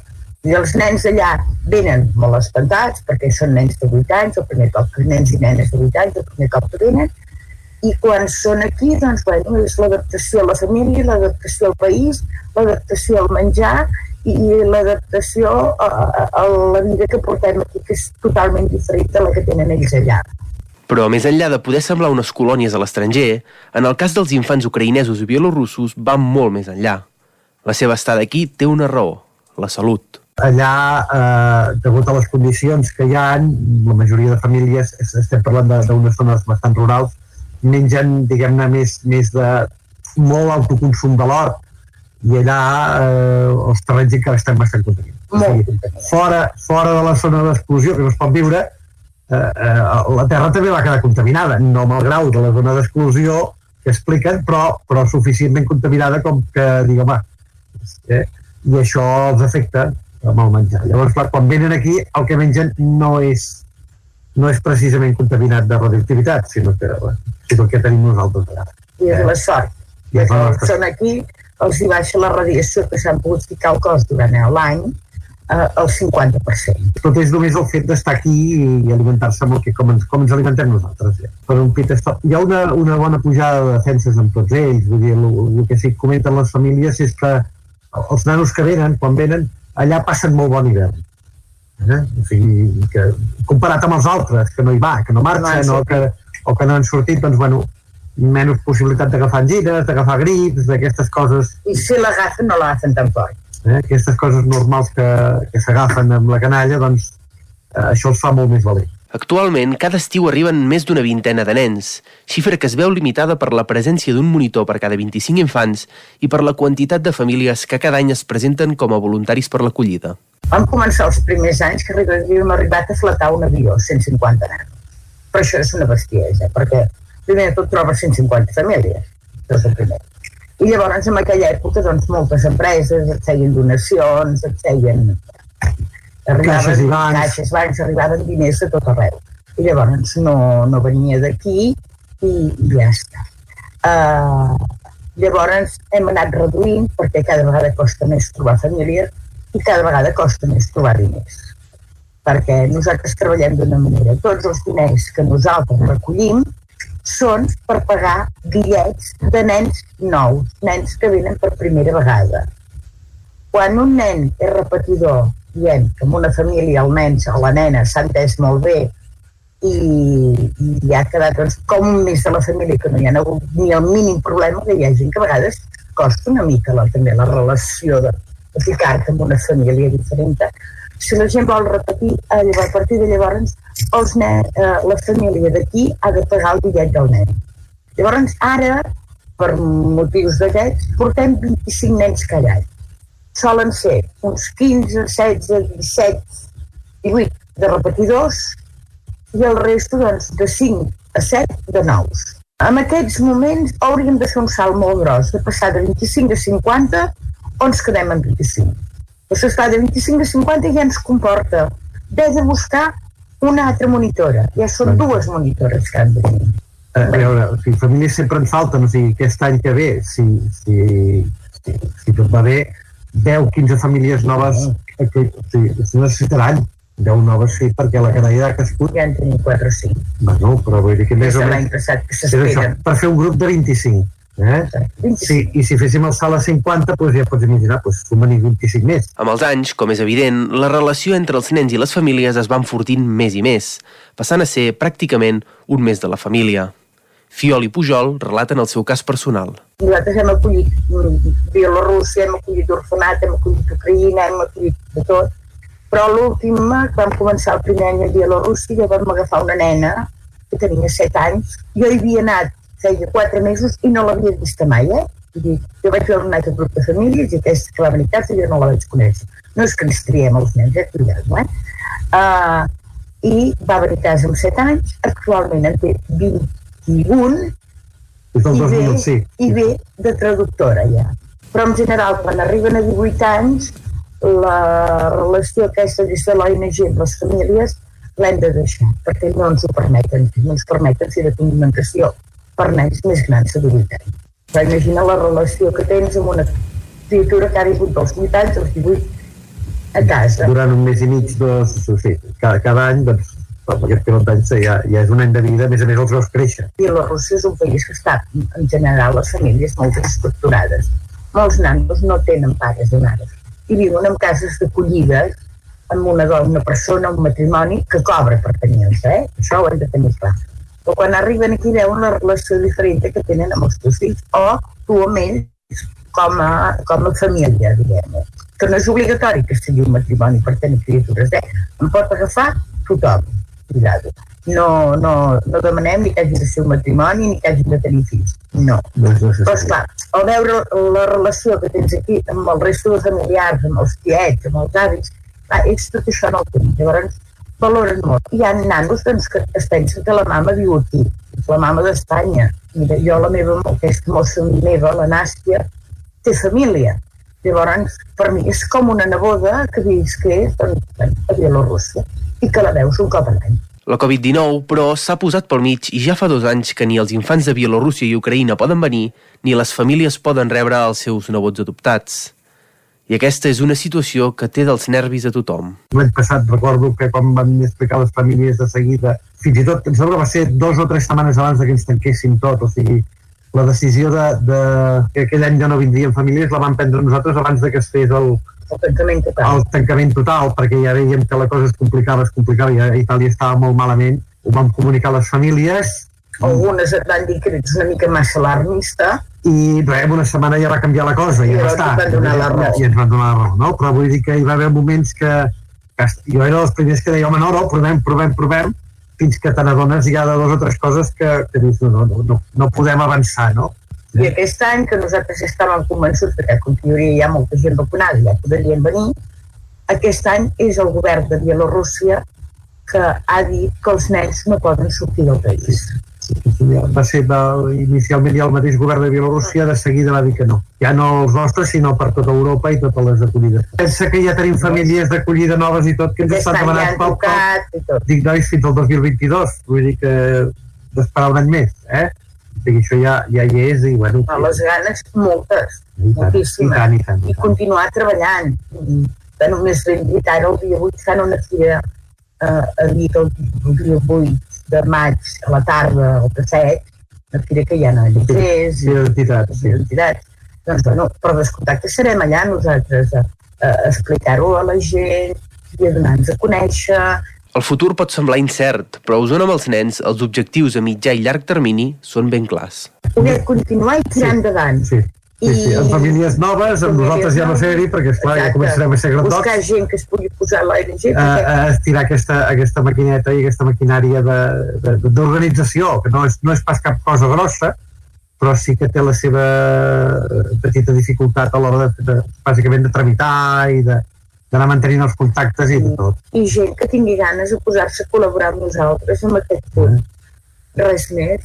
Diem, com va començar l'any 97 amb unes persones, aquestes persones ja han anat canviant, com és lògic, que molts anys hem anat canviant, i bueno, el futur és que nosaltres ho deixem en mans d'uns altres. No som eterns a la vida, però l'ONG ha de ser eterna mentre es necessiti. La carta als Reis per l'entitat és ben clara que el 2022 es pugui tornar a recuperar l'activitat normal i que es pugui celebrar com toca el 25è aniversari de les arribades d'infants, efemèride que va quedar tallada per la Covid. Però sigui com sigui, en pandèmia o sense, Osona i Txernòbil mantenen una relació que a mesura que passen els anys enforteix no només els joves que venen aquí a millorar la seva salut, sinó també a tots els usonencs i usonenques que els acullen i de qui passen a ser un fill o un nebot més. Doncs avui que l'Eloi Puigferrer ens ha costat la realitat d'Osona amb els nens, una entitat que ara mateix per culpa de la Covid està una mica aturada, mm. però que tant de bo es pugui reemprendre ben aviat perquè la tasca que fan és encomiable. Són molts anys ja de solidaritat mm. amb aquestes famílies afectades per l'explosió nuclear. Doncs bé, avui hem parlat d'això aquí a Territori 17, ara fem una pausa, tornem a dos quarts en punt. El nou FM, la ràdio de casa, al 92.8. Can Xalant, moda i complements. Nova temporada primavera-estiu. Moda home-dona, nen-nena, sabates, bosses de mà, maletes, complements i molt més. Vine a veure, ens trobaràs una secció d'ofertes amb roba de la temporada passada a 10 euros i 19 euros. Vine a Can Xalant, ens trobaràs al carrer Sant Tomàs número 6 de Call d'Atenes. També a Instagram i Facebook. Retus 2A. Experts en comunicació visual. Rètols, banderoles, vinils, impressió, plaques gravades, senyalització, displays... Rètols Dos Art. Ja són 25 anys al vostre servei. Ens trobareu a la carretera de Vic a Olot, número 7, al polígon Malloles de Vic. dosartvic.com Telèfon 93 889 25 88. Cocodril Club. Si t'agrada la bona música dels anys 60, 70 i 80, escolta el 9 FM als matins de dissabtes i diumenges d'11 a 1. És el temps del Cocodril Club, tot un clàssic de la ràdio, amb les bases del pop-rock, les llegendes, les cançons que s'han convertit en autèntics himnes. Recorda, dissabtes i diumenges al matí, d'11 a 1, al 9 FM 92.8. Cocodril Club, el programa revival de l'Albert Malla. Hasta luego, cocodrilo. Anuncia't al 9FM. La màquina de casa. 9 3 8 8 9 4 9 4 9. Publicitat arroba al 9FM.cat. Anuncia't al 9FM. La publicitat més eficaç. Amb Pradell estalvio energia i cuido la meva butxaca i el medi ambient. Posa't en mans de Pradell. Són experts en calderes de gas i condensació, estufes de pèl·let, energia solar, terres radiants, geotèrmia i aerotèrmia. Pradell instal·la calderes de biomassa per a particulars i per a empreses. Si vols estalviar un 50% en consum, contacta amb Pradell i passa't a les energies renovables. Pradell som a l'Avinguda Països Catalans 27 de Vic. Telèfon 93 885 1197. Pradell.cat. El Sabater. Reparació de calçat al moment i còpies de claus de seguretat i de cotxe. Esmolem tisores i ganivets, cosim pell i cremalleres, arreglem articles d'alpinisme i canviem soles de botes i sabates de muntanya i running. El Sabater. Som a la plaça Cris Rei número 1, al costat de l'església de Dalt Vila, de Manlleu. Telèfon 677 45 46 01. La Cakery. Pastissos personalitzats, galetes, cookies, brownies i molt més.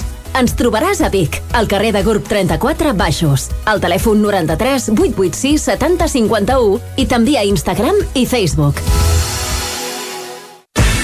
El 9 FM, la ràdio de casa, al 92.8.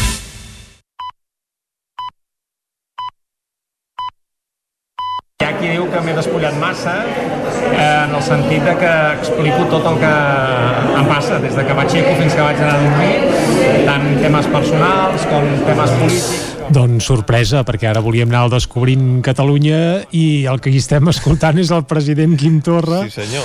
Que, que recordem que al cap de...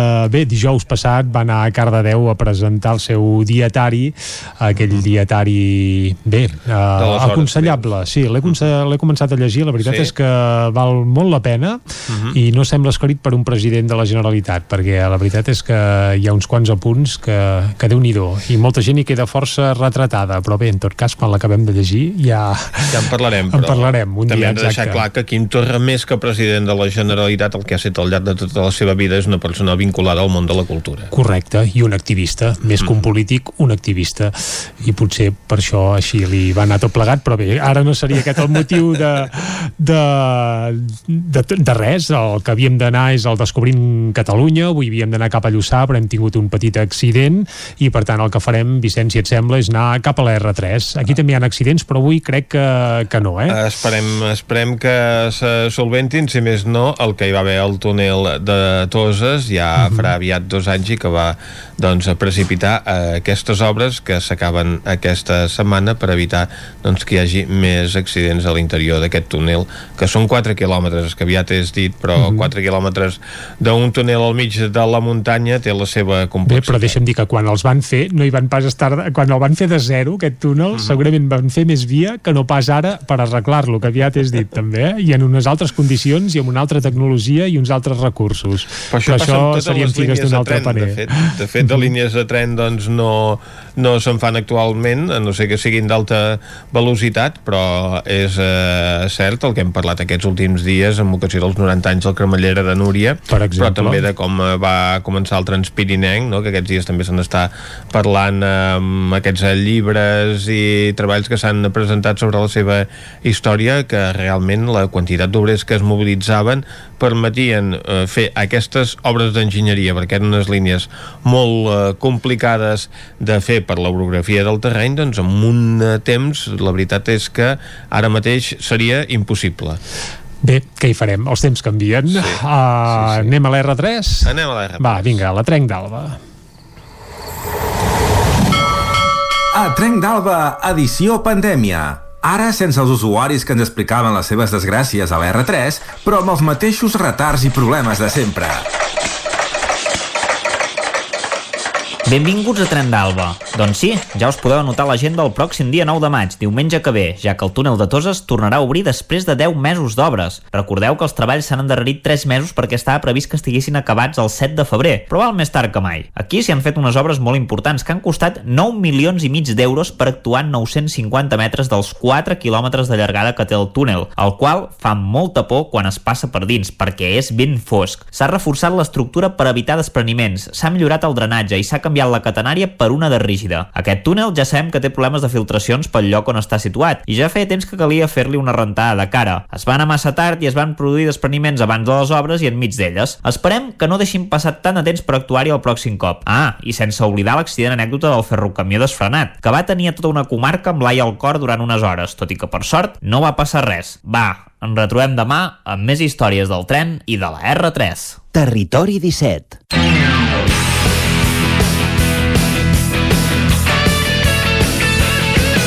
I després d'anar al tren i anava a dir el Descobrint Catalunya, avui no, avui no hi hem anat perquè ho hem no, tingut hem una mica Catalunya. accidentat, doncs el que parlarem és ara mateix d'esports del cap de setmana, tertúlia esportiva, Vicenç, que farem com sempre amb els nostres tertulians habituals, oi? Sí senyor, amb en Guillem Freixa, en Lluís de Planell i l'Isaac Muntades, que ens espera des de la veu de Sant Joan, Isaac. Bon dia. I bona hora. No han fallat els equips de Madrid i tampoc ha fallat el Barça que ja prou no. que va fer-ho dijous passat sí. contra el Granada. Sí, sí era, era el típic manera, partit per fallar. d'aquesta manera s'ha complicat la possibilitat de guanyar el títol de Lliga. Ara es jugarà tot dissabte en aquest enfrontament directe entre el Barça i el Real Madrid al Camp Nou. l'Atlètic i l'Atlètic de Madrid, perdó. Eh, el Real Madrid compta que aquest cap, aquest sí, cap sí, de no. setmana juguen els quatre primers clau. classificats entre ells sí. i per tant si el Sevilla guanya avui sí. i guanyés el Madrid també tindria les seves opcions també de guanyar el títol segurament. Sí, sí, sí. No, jo crec que eh, es fa complicat eh, fer anàlisis d'aquesta lliga perquè cada uh -huh. cop que expliquem o comentem una cosa o fem una predicció eh, passa una cosa que ens ho trenca. Vull dir, hem donat, eh, eh si fem un repàs d'aquesta última temporada, hem donat per mort al Madrid, hem donat per mort al Barça, vam donar per campió l'Atlètic de Madrid i al final ens trobem en un final de lliga que es decidirà pràcticament a, a l'últim instant. Jo, um, recuperant el partit de... Òbviament el Barça la va cagar, és que s'ha de dir així, la va cagar molt fort uh, uh, contra el Granada, però mhm. recuperant el partit d'aquest cap de setmana amb el València, jo crec que hi ha el penal que, que acaba marcant Messi, uh mhm. -huh. que jo crec que mm, visualitza i exemplifica molt bé, és un resum molt clar del que està sent aquesta temporada, que quan et penses que passarà una cosa, en passa una altra de totalment contrària, i quan et mhm. penses que acabarà d'aquella manera, torna a canviar la, la història, no? Et xuten Messi, que penses que marcarà, no marca, mm, dius que aquell penal ja ha sigut desaprofitat i de cop i volta t'arriba un jugador del Barça en el rebot, però que aquest jugador del Barça és en Busquets, que és el més ràpid de tots, i dius, ostres, com ha arribat aquest tio aquí eh, per davant de, de tots. Mm -hmm. Fa la rementada, no entra, entra mig de cames, en Messi, ja veus que no farà ningú aquell gol, pum, i acaba marcant el, el Barça. Per tant, és una mica la, la imatge gràfica del que està sent aquesta temporada, uh -huh. i jo, mm, sé, és molt complicat dissabte que ve, perquè eh, tothom ha de fer la, la feina, el que passa que si fas la feina pots acabar donant el títol a l'etern rival vull dir, és com una mica una, un trencaclosques difícil de, de resoldre. El que des, tinc clar des, és que... De, des del punt de vista perico és sensacional, això. Bueno, sí. Que vosaltres regaleu la Lliga al Madrid fa un mhm. goig extraordinari. No, clar, el Barça ha de guanyar, és que no, no, és inconcebible que el Barça sí, sí. pensi que guanyant pot regalar la Lliga al Madrid i que no guanyi o que no faci tot el possible. El Barça ha de sortir a guanyar i enganxar-se, i jo crec que dins aquest guió de pel·lícula que està tenint la Lliga encara n'hi haurà haurà algun de, algunes giragonses més. No sé com acabarà, eh? però Mhm. segur que hi haurà giragonses eh, diferents perquè en les últimes jornades segurament potser també enganxaran, ara no tinc el calendari exacte, l'altre dia me'l mirava i crec que pot haver-hi algun dels equips que juga contra rivals que estan en zona baixa mm, no sé, Barça, Barça-Celta... crec que hi ha el Valladolid també ha de El jugar Valladolid algun- juga amb el eh, Madrid, amb l'Atlètic de Madrid, no? Vull dir que hi poden haver... En l'últim- En l'últim partit, i per tant allà el Valladolid s'hi pot jugar la permanència. Sí, poden haver el Celta també acabant a Europa potser si es pot enganxar que crec que juga amb el Barça mm, jo crec que Villarreal també amb el Real Madrid Ah, senyors, eh, eh, això depèn del Madrid de l'Atlètic de Madrid, del Barça i del Sevilla sí, sí. i el, el Valladolid aquí no hi pinta res Bueno, però clar, no és el mateix jugar contra un, contra sí, home, un rival. Si, el, si els, el, aquests quatre equips estan al seu nivell, tant és que sigui el rival i tant és les, Sí, les aquesta- aspiracions que tingui aquest rival. Vull dir, s'hi poden fer molt, però no, no hi ha res a fer-hi. Però aquesta temporada jo crec que eh, aquest discurs ens el xafa perquè ja s'ha demostrat que ni el Barça, ni l'Atlètic, ni el Real... Ell, per culpa, el Barça Sí, sí, per culpa- Granada per, per culpa, culpa del. Barça. No perquè el Granada fes un gran partit. Però és que el Madrid també han sopegat amb el Cádiz o l'Atlètic de Madrid també han sopegat amb altres rivals que en teoria no havia d'ensopegar. Vull dir que Però, tot plegat però és... jo insisteixo, són errades pròpies. Totalment. No pas perquè eh, la Lliga s'hagi igualat No. i el Cádiz i el Valladolid eh, es puguin, eh, diguem, tutejar No, no. Amb, amb el Barça i amb el, i amb el Madrid. Això és el que vull dir jo. Sí, això totalment cert, però vull dir, en aquestes ensopegades eh, eh, regulars i repetitives que hem anat veient d'aquests equips al llarg de la temporada, en aquest tram final de Lliga, eh, és molt possible, així com a altres anys haguéssim dit, hosti, no, això ho guanyaran, tots els equips guanyaran tots els seus partits i la, la, la classificació quedarà així. Aquest any es fa més difícil no, fer aquesta previsió, perquè saps que el Barça pot tenir un mal dia i perdre el camp del Celta, o, o el Madrid empatar amb l'Eibar quan l'Eibar ja estigui baixat de categoria. Mm, és, és complicat de fer, de fer De fet, prediccions. tot, tots aquests equips, una tercera part dels partits que han jugat no els han guanyat. S'estan disputant això. el títol de Lliga. Sí, però com que tots estan iguals, vull dir que Sí, sí. tot, queda igual, també. Sí, sí. De totes maneres, tenim un entrenador molt, molt intel·ligent, eh? perquè si guanyem tots els partits som campions. Això abans de, la Lliga, abans de començar la Lliga també ho podia haver dit, eh? Sí, esclar, és la- l'obvietat. Però, però ara la situació és una altra. Quan comença la Lliga tots comencen amb 0 punts, en les mateixes condicions. Ja, ja, però- Ara la, la situació és una altra. No, jo el que crec és que passi el que passi sí que no serà una lliga recordada per un equip que marca una època o que... No és la Lliga dels 100 punts. No, i, i o això, eh, un, hosti, l'Atlètic de Madrid que va guanyar la Lliga d'en, amb en Villa i Mhm. això, hosti, era un Atlètic de Madrid que, doncs, que segurament eh, el Champions també va arribar molt lluny, que va Mhm. fer una grandíssima Sí, sí. temporada. L'Atlètic de Madrid aquest ho tenia a tocar, podia haver guanyat la Lliga fa setmanes Mhm. i, i ha anat baixant el ritme. El Barça igual, en aquest eh, projecte en construcció de construcció que portem des de principi de curs eh, no ha acabat d'arrencar i jo crec que ja cal esperar a fer foc nou i dins aquest esperar a fer foc nou déu nhi encara el que, el que s'ha pogut redirigir la situació a lluitar per la Lliga i ja tenir la, la Copa. I el Madrid eh, típic del Madrid, no? que sense fer massa soroll eh, té a tocar la Lliga i a la Champions doncs encara va fent la viu-viu i compta perquè van empatar amb el Chelsea però mm, quan tot sembla que, que va en una direcció el Madrid normalment sap eh, fotre un cop de cua i, i, i portar-ho cap al seu terreny. No sé, l'Isaac si està eufòric o... No, no, està molt callat, vol dir Sí. que no ho veu gens clar, això. No, veus bueno, a veure, a la Lliga el Madrid té el calendari més complicat de tots, això és evident, perquè juguem contra el Villarreal i el Sevilla a casa, que són dos equips que... Bueno, el Sevilla s'està jugant la Lliga, Mhm. que és el que dèiem, que potser és el tapat, i que si guanyés el, el partit que avui... Clar, si avui no guanya el partit que té encara pendent, canvia molt la cosa, eh? Sí, però, però, però ima- imaginem que el guanya, que el juga a casa, en principi pot, pot guanyar-lo. Clar, si llavors guanyes el Madrid, ostres, qui sap si seria el gran beneficiat de tot plegat però després, clar, hi ha el Villarreal també, que és un equip que s'està jugant a entrar, a entrar a Europa, i llavors tens l'Atlètic de Bilbao a fora de casa, que és un equip que en el Madrid sempre li té ganes, i en canvi contra altres equips normalment acaba fent desastres, no? No contra el Madrid no, contra el Madrid sempre surt a tope, i llavors queda un partit Contra així... Madrid i contra d'altres, no, també. No, contra el Barça no, contra el Barça Ah, no? surt derrotat. A, a totes les finals de Copa del Rei, les últimes 3 o 4 han sortit golejats. I a la Supercopa? Sí, la super, la super què? Què és la Supercopa? La, super, la Supercopa? Sí, sí, és un títol menor. No, però vull dir que, que al Madrid li queda fàcil, anava a dir fàcil, però és que fàcil no és, perquè li queda el Granada, un equip que ha estat capaç de guanyar el Camp Nou. Vull dir que no, no, és que no li queda cap partit fàcil al Madrid. En canvi, jo crec que depenem El una mica Granada del, també se la juga, evidentment. També, Sí, també té les seves depenent del partit de, de, del pròxim cap de setmana que, el- que el Barça juga contra l'Atleti de Madrid i aquí jo penso jo crec que ens aniria bé un empat.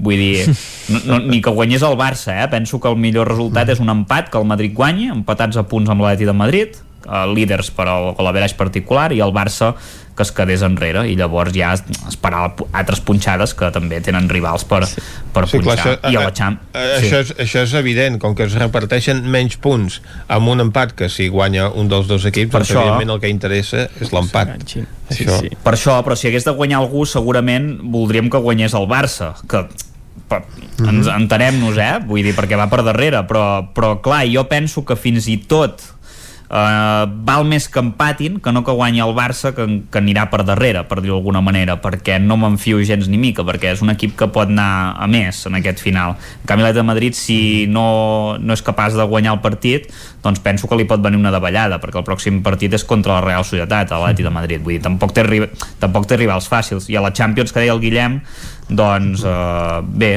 aquestes últimes jornades el Madrid ha reservat jugadors clau. Mm, no van jugar Kroos i Modric aquest cap de setmana uh, s'ha lesionat Baran bueno, veurem què, què passa. Tenim altres jugadors que han donat un pas endavant com Milital i la defensa el Madrid aquesta temporada últimament està molt ben defensa. I li costa molt que li facin gols ara. També costa fer-ne. Si aconseguim fer un partit allò que tenim una mica més d'efectivitat com en els vells temps jo crec que l'eliminatori és del Madrid. De totes maneres, Isaac, jo vaig veure un jugador que mm. si havia jugat jo no m'havia fixat, que era un tal Blanco, que ja, ja s'encaixa Sí. amb el Madrid. Clar, Clar, s'encaixa, s'encaixa. Com ha de Sí, ser, sí. Però no? el vaig veure, el vaig veure eh, a un gran nivell, eh? Un nano del Sí, sí, Purial. sí. És, és la barreja de Kroos i de Casemiro, aquest noi. Vull dir que Sí, passa com Kroos i, i defensa com Casemiro. Vull dir, no, és un jugador que és una sorpresa, que, que, que va bé que aquests jugadors s'uneixin ara en el tram final a, a jugar aquests partits, que hi hagi jugadors del banqueta o del filial que, que, que surtin al primer equip no? i donguin descans, perquè realment és que queden, per, tots els partits són importants, vull dir, clar, jo no sé quants partits més descansaran Kroos i Modric, jo, jo és que crec que ja no poden descansar més d'aquí al final, com aquell qui diu, però si tens jugadors que, que tenen això, que et poden donar almenys, jo que sé, un partit allò o que poden sortir d'inici que hi pots confiar, canvia la cosa. Jo diria que si arribeu a la final descansaran una mica més i si us elimina el Chelsea eh, jugaran els quatre partits que queden o els cinc Segur, partits que segur. queden. Sí, és que ara hi ha tot el, el foc a la graella, no? tota la carn a la graella. Clar, dir, no. Clar. Ara ja no té sentit guardar res, perquè sí. per, per quatre partits o cinc, que no sé quants són... Sí, sí, dir, però clar, és que està, estan al límit, es veu, eh? perquè clar, porten sí. Kroos no sé si porta quatre partits sense jugar a la Lliga, eh? Entre dos que ha estat lesionat i dos que no, que no, ha, no ha estat convocat. Deu ser allò de que, seleccionar molt bé en el moment que el cremes, no? diguem-ne. Uh, segurament sí. si contra el Chelsea uh, el partit uh, comença bé, o no sé si el posarà, posarà d'entrada, però si es complica fer-lo sortir, si no, doncs el guardes per la Lliga, eh, és seleccionar. si no van jugar contra el Sí, sí, és perquè seran titulars eh, a Londres. Segur, segur, seran titulars. Ah, sí, sí. I aquest empat a un, que són aquells resultats eh, que no saps gaire com valorar-los, no? No sé, tu, Isaac, si estàs satisfet o no amb aquest 1 a 1, et fa... vas veure el, el Chelsea, de nhi no juguen... A mi em van agradar, no, no els tenia vistos i, ostres, us van Bueno, és un dominar, equip no? que és un equip també que també és bastant sòlid a darrere des de que ha arribat Tuchel i, i bé, que són jugadors molt joves. Veurem si els hi pesa una mica el fet d'haver arribat en aquestes semifinals. Home, jo crec que és un bon, no és un mal resultat del tot. Aviam, ara mateix passa el Chelsea. Ja, ja. però penseu que allà qualsevol empat a més d'un gol passa al Madrid. I si el Madrid marca al principi del partit, que això podria ser res, el primer minut o els primers 10 minuts llavors, no, llavors ja és totalment a favor del Madrid l'eliminatòria encara que sa- sabeu què vull dir perquè llavors el Chelsea ha d'anar a l'atac ha de volcar-se, el Madrid ho pot aprofitar el contraatac el Madrid encara té punys vull dir, no, no jo crec que l'eliminatòria està molt igualada però el Madrid el Madrid és el favorit de, de la Champions, el Madrid té 13 copes d'Europa, sí. els altres 3 semifinalistes en tenen una. Si fitxeu en darrer, mar, mar, marca els 40 segons, eh? Exacte, exacte. Sí, sí, sí, sí. En aquest us aniria bé per aquest partit. No, de totes maneres... Però d'aquests n'hi ha molts, de jugadors eh, de l'Espanyol que van al Madrid i després allà són suplents, Costa. doncs això... Hosti, que Lucas Vázquez no, eh? No. Ara aquesta temporada. I l'Asensio. Exacte, i l'Asensio. Fotits. Marco Asensio. No, ja, no, no, Ausensio en Casilla, però de fet en Casilla va sortir de Madrid, vull dir que llavors va, va, tornar. va, va venir d'això, vull dir que no, no, no tants, no tants, no tants. No. I el, el Barça també això que dèiem de rotacions, clar, eh, també aquest cap de setmana ni en Dembélé no, no el van veure jugar. Uh -huh. um... Bueno, contra la Granada tampoc el vas veure jugar. No, no. bueno, és aquesta irregularitat, no?, que dèiem de tota la temporada, sí, sí. que no, no, no trobes una línia una línia diguem que es mantingui de, del nivell de l'equip, de l'atenció perquè també sorprèn no, això, que jugant el que t'està jugant sabent que tens la Lliga a les teves mans ostres, que fallis a casa quan t'has posat 1 a 0 um, es, fa, es fa difícil de i contra el Granada bé. i contra el Granada, sí, sí no, però el Granada bé. El Granada bé. Perquè hi havia nou, nou suplents, sí. nou baixes, eh? Bueno, això, llavors també és allò que mai saps si et beneficia o no, eh? perquè a vegades aquests jugadors també es volen reivindicar, no? d'altres que ja passen de, de tot o, o estan, no estan tan motivats, en canvi els que es volen reivindicar. A mi el que em sorprèn és que si tens la Lliga a les teves mans, ostres... Jo ja sé què és oposar i això, però... Però aquí qui falla, els jugadors o, o l'entrenador que quan la situació es complica no sap no reaccionar? Això ho hem vist diverses vegades sí, sí, aquesta sí. temporada. Sí, jo crec mm. que clar, quan es parla d'entrenadors que funcionen i que marquen una època i que eh, funcionen molt bé jo crec que eh, hi pot haver molta literatura perquè al final els que acaben jugant són els jugadors però que aquí també es veu la diferència de quan un equip té un, un entrenador que sap molt bé les tecles que ha de tocar en el seu equip, que sap molt bé com motivar els jugadors, que sap molt bé uh -huh. eh, els moviments que ha de fer en funció de com evoluciona el, el partit i que Koeman potser això eh, encara no ho ha acabat de, de, de, de trobar. Deixeu-me parlar per experiència perica. Eh, fins al 31 de gener, eh, quan vam perdre l'últim partit, eh, en, en, el nostre entrenador eh, feia jugar tots els jugadors perquè aquest no sé què, que no s'emprenyi, l'altre que no sé què, l'altre també ha de, de tenir minuts i tot això. Llavors hi va haver un moment que es van fer, es van replantejar la cosa i a partir de que hi ha un 11 titular que només hi ha els canvis obligats per lesions o per expulsions, uh mhm. -huh. com hi va dir eh, dissabte uh. -huh. passat, doncs l'equip ha funcionat perfectament. Que llavors, al llarg del partit, quan ja és 3, 3 a 0, eh, fas eh, moure la banqueta en funció de no sé què, això, això d'acord. Però al, al principi hi ha d'haver un equip titular. I aquest equip titular el tenen tots els equips. Sí, sí, tots els clubs. Tothom té un equip titular. I llavors, ja dic, jo ara per, parlo per experiència pròpia, eh? perquè clar, hi ha tres centrals i clar, es tracta de que jugui una mica tothom. No, no, no, això, això no són les germanetes de la caritat, aquí sí, sí. estem, eh, som uns professionals d'una feina i aquesta feina s'ha de fer en funció de les necessitats que té l'equip i les necessitats són aquests 11 senyors que han de ser titulars. I jo, per mi mm, hi ha aquest problema. L'altra cosa és que, per exemple, en Zidane aquest any ha tingut un pilot de baixes impressionant. Sí, uh -huh. sí clar, és que el Madrid. Hòstia, és que el Madrid aquest any eh, s'ha de, de despatxar tota la, la plantilla mèdica i tot, tots els fisioterapeutes, tots, és que és un desastre. és que, però, però si estem jugant a un joc amb els meus companys, hi ha un, un amic meu que tot el rato està fitxant jugadors del Madrid i cada jugador que fitxa se li lesiona i em diu que no en fitxarà cap més perquè és, és perquè és, és gafe. Ah, I, I jo li dic, no els fitxi. Clar, clar, no, no, però és que és veritat, és que portem no sé quantes lesions. Em sembla que vas llegir que 60 lesions entre tots els jugadors, 60 lesions, eh? Tantes i, i moltes de musculars és que alguna cosa sí, falla alguna cosa no funciona sí. I... de totes maneres la... o, o també que tenim una edat Sí. Hòstia, sí, però el, hi ha jugadors del Madrid que, que, que, que són joves. Mari, Mariano tampoc és tan gran i s'ha lesionat dos o tres vegades, no sé. La dona de Sala Martínez, la, la nutricionista del, del Manchester City. Ah. Uh -huh. I, Ah, em pensaves a dir del Madrid, dic. No. Ara ho entenia tot. Toxicats. No, no, però les lesions en el City són eh, eh, poquetes i es veu que hi ha un control impressionant. Vull dir que els truca quan són a casa en el moment de sopar perquè has de, has de menjar una cosa concreta sí, sí. I, i els orienta en tots els sentits. I a vegades no sé si és tant de fisio, fisio de mèdics No. com la mateixa alimentació. Sí, uh -huh. està clar no, que els jugadors eh, com més es cuiden més enllà de l'entrenament i l'exercici físic que se'ls hi fa fer en la seva rutina diària de- d'un club professional, com més es cuiden eh, més, eh, diguem, vida útil tenen com a esportistes. Tu que... digue-li Messi que has de menjar això, això, això, això. Bueno, però a Messi- què passa. I t'agafa una Coca-Cola i... Però un dels canvis que va fer, segons expliquen, no, va ser això, no? Sí. Que, Va parar de menjar bollicaus, veu. Exacte, sí, sí. Sí. clar. I begudes ensucrades.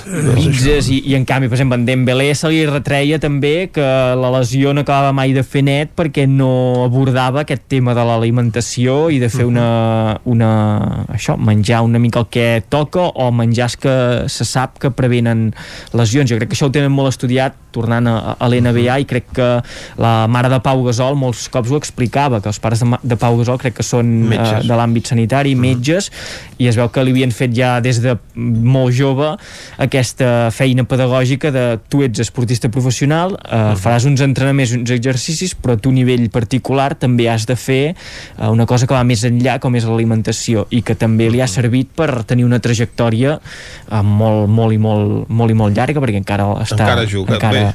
Bueno, juga. Exacte. I és, Ho intenta. També el bàsquet és un altre tema que Sí. podríem tractar. Sí. Però, però si ets aquí, o sigui, si has arribat en aquest nivell, llavors jo diria que per uns anys t'has de sacrificar. Ja ho sé que, que ets multimilionari i que el sacrifici amb un multimilionari, a més, acabat de fer, suposo que és més complicat. Però, esclar, t'hi va el futur. Sí, sí, no, totalment. I, I hem parlat d'una semifinal de Champions, però el Barça també aquest any té opcions de guanyar una Champions, com és la, la Champions eh, femenina. Femenina.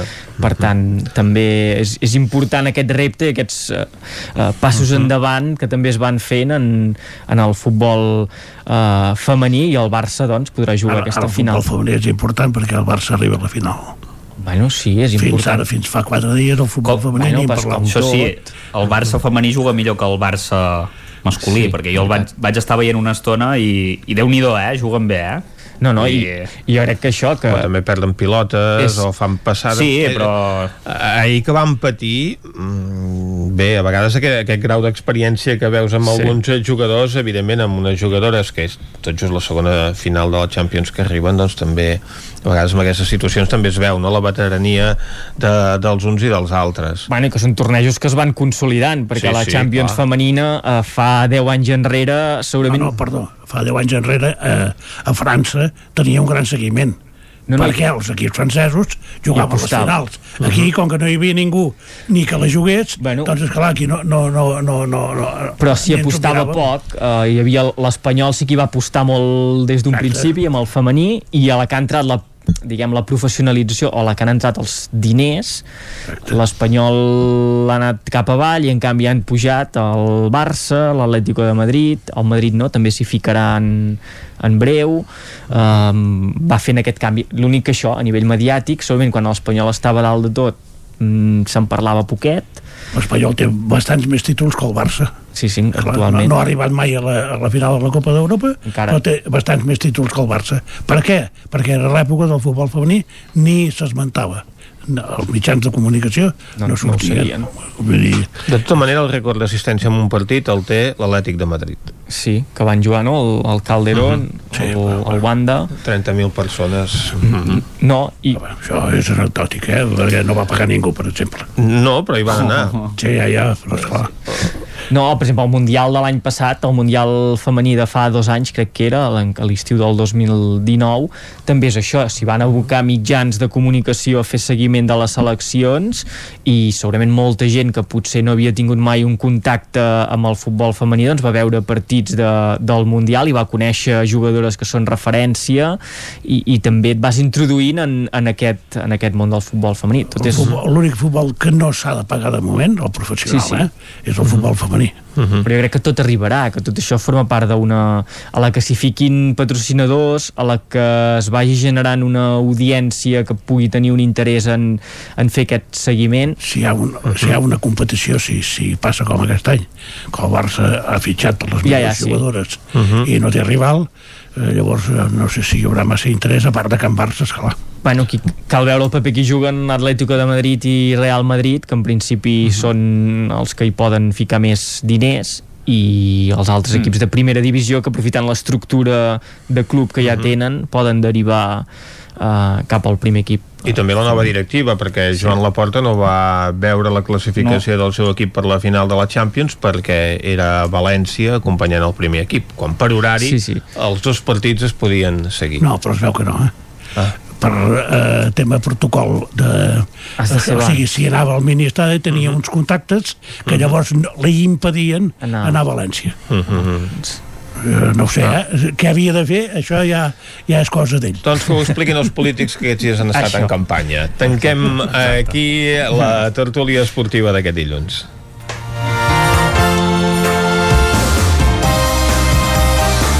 Doncs tanquem la tertúlia i anem tancant també el programa perquè ens acostem, Vicenç, a la recta final, un territori 17 que avui hem fet.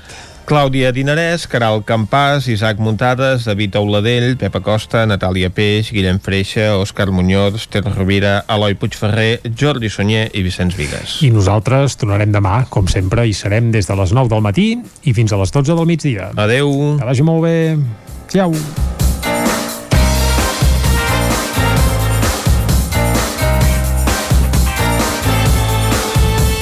Territori 17, un magazín del nou FM. La veu de Sant Joan, Ona Codinenca i Ràdio Cardedeu amb el suport de la xarxa. El nou FM.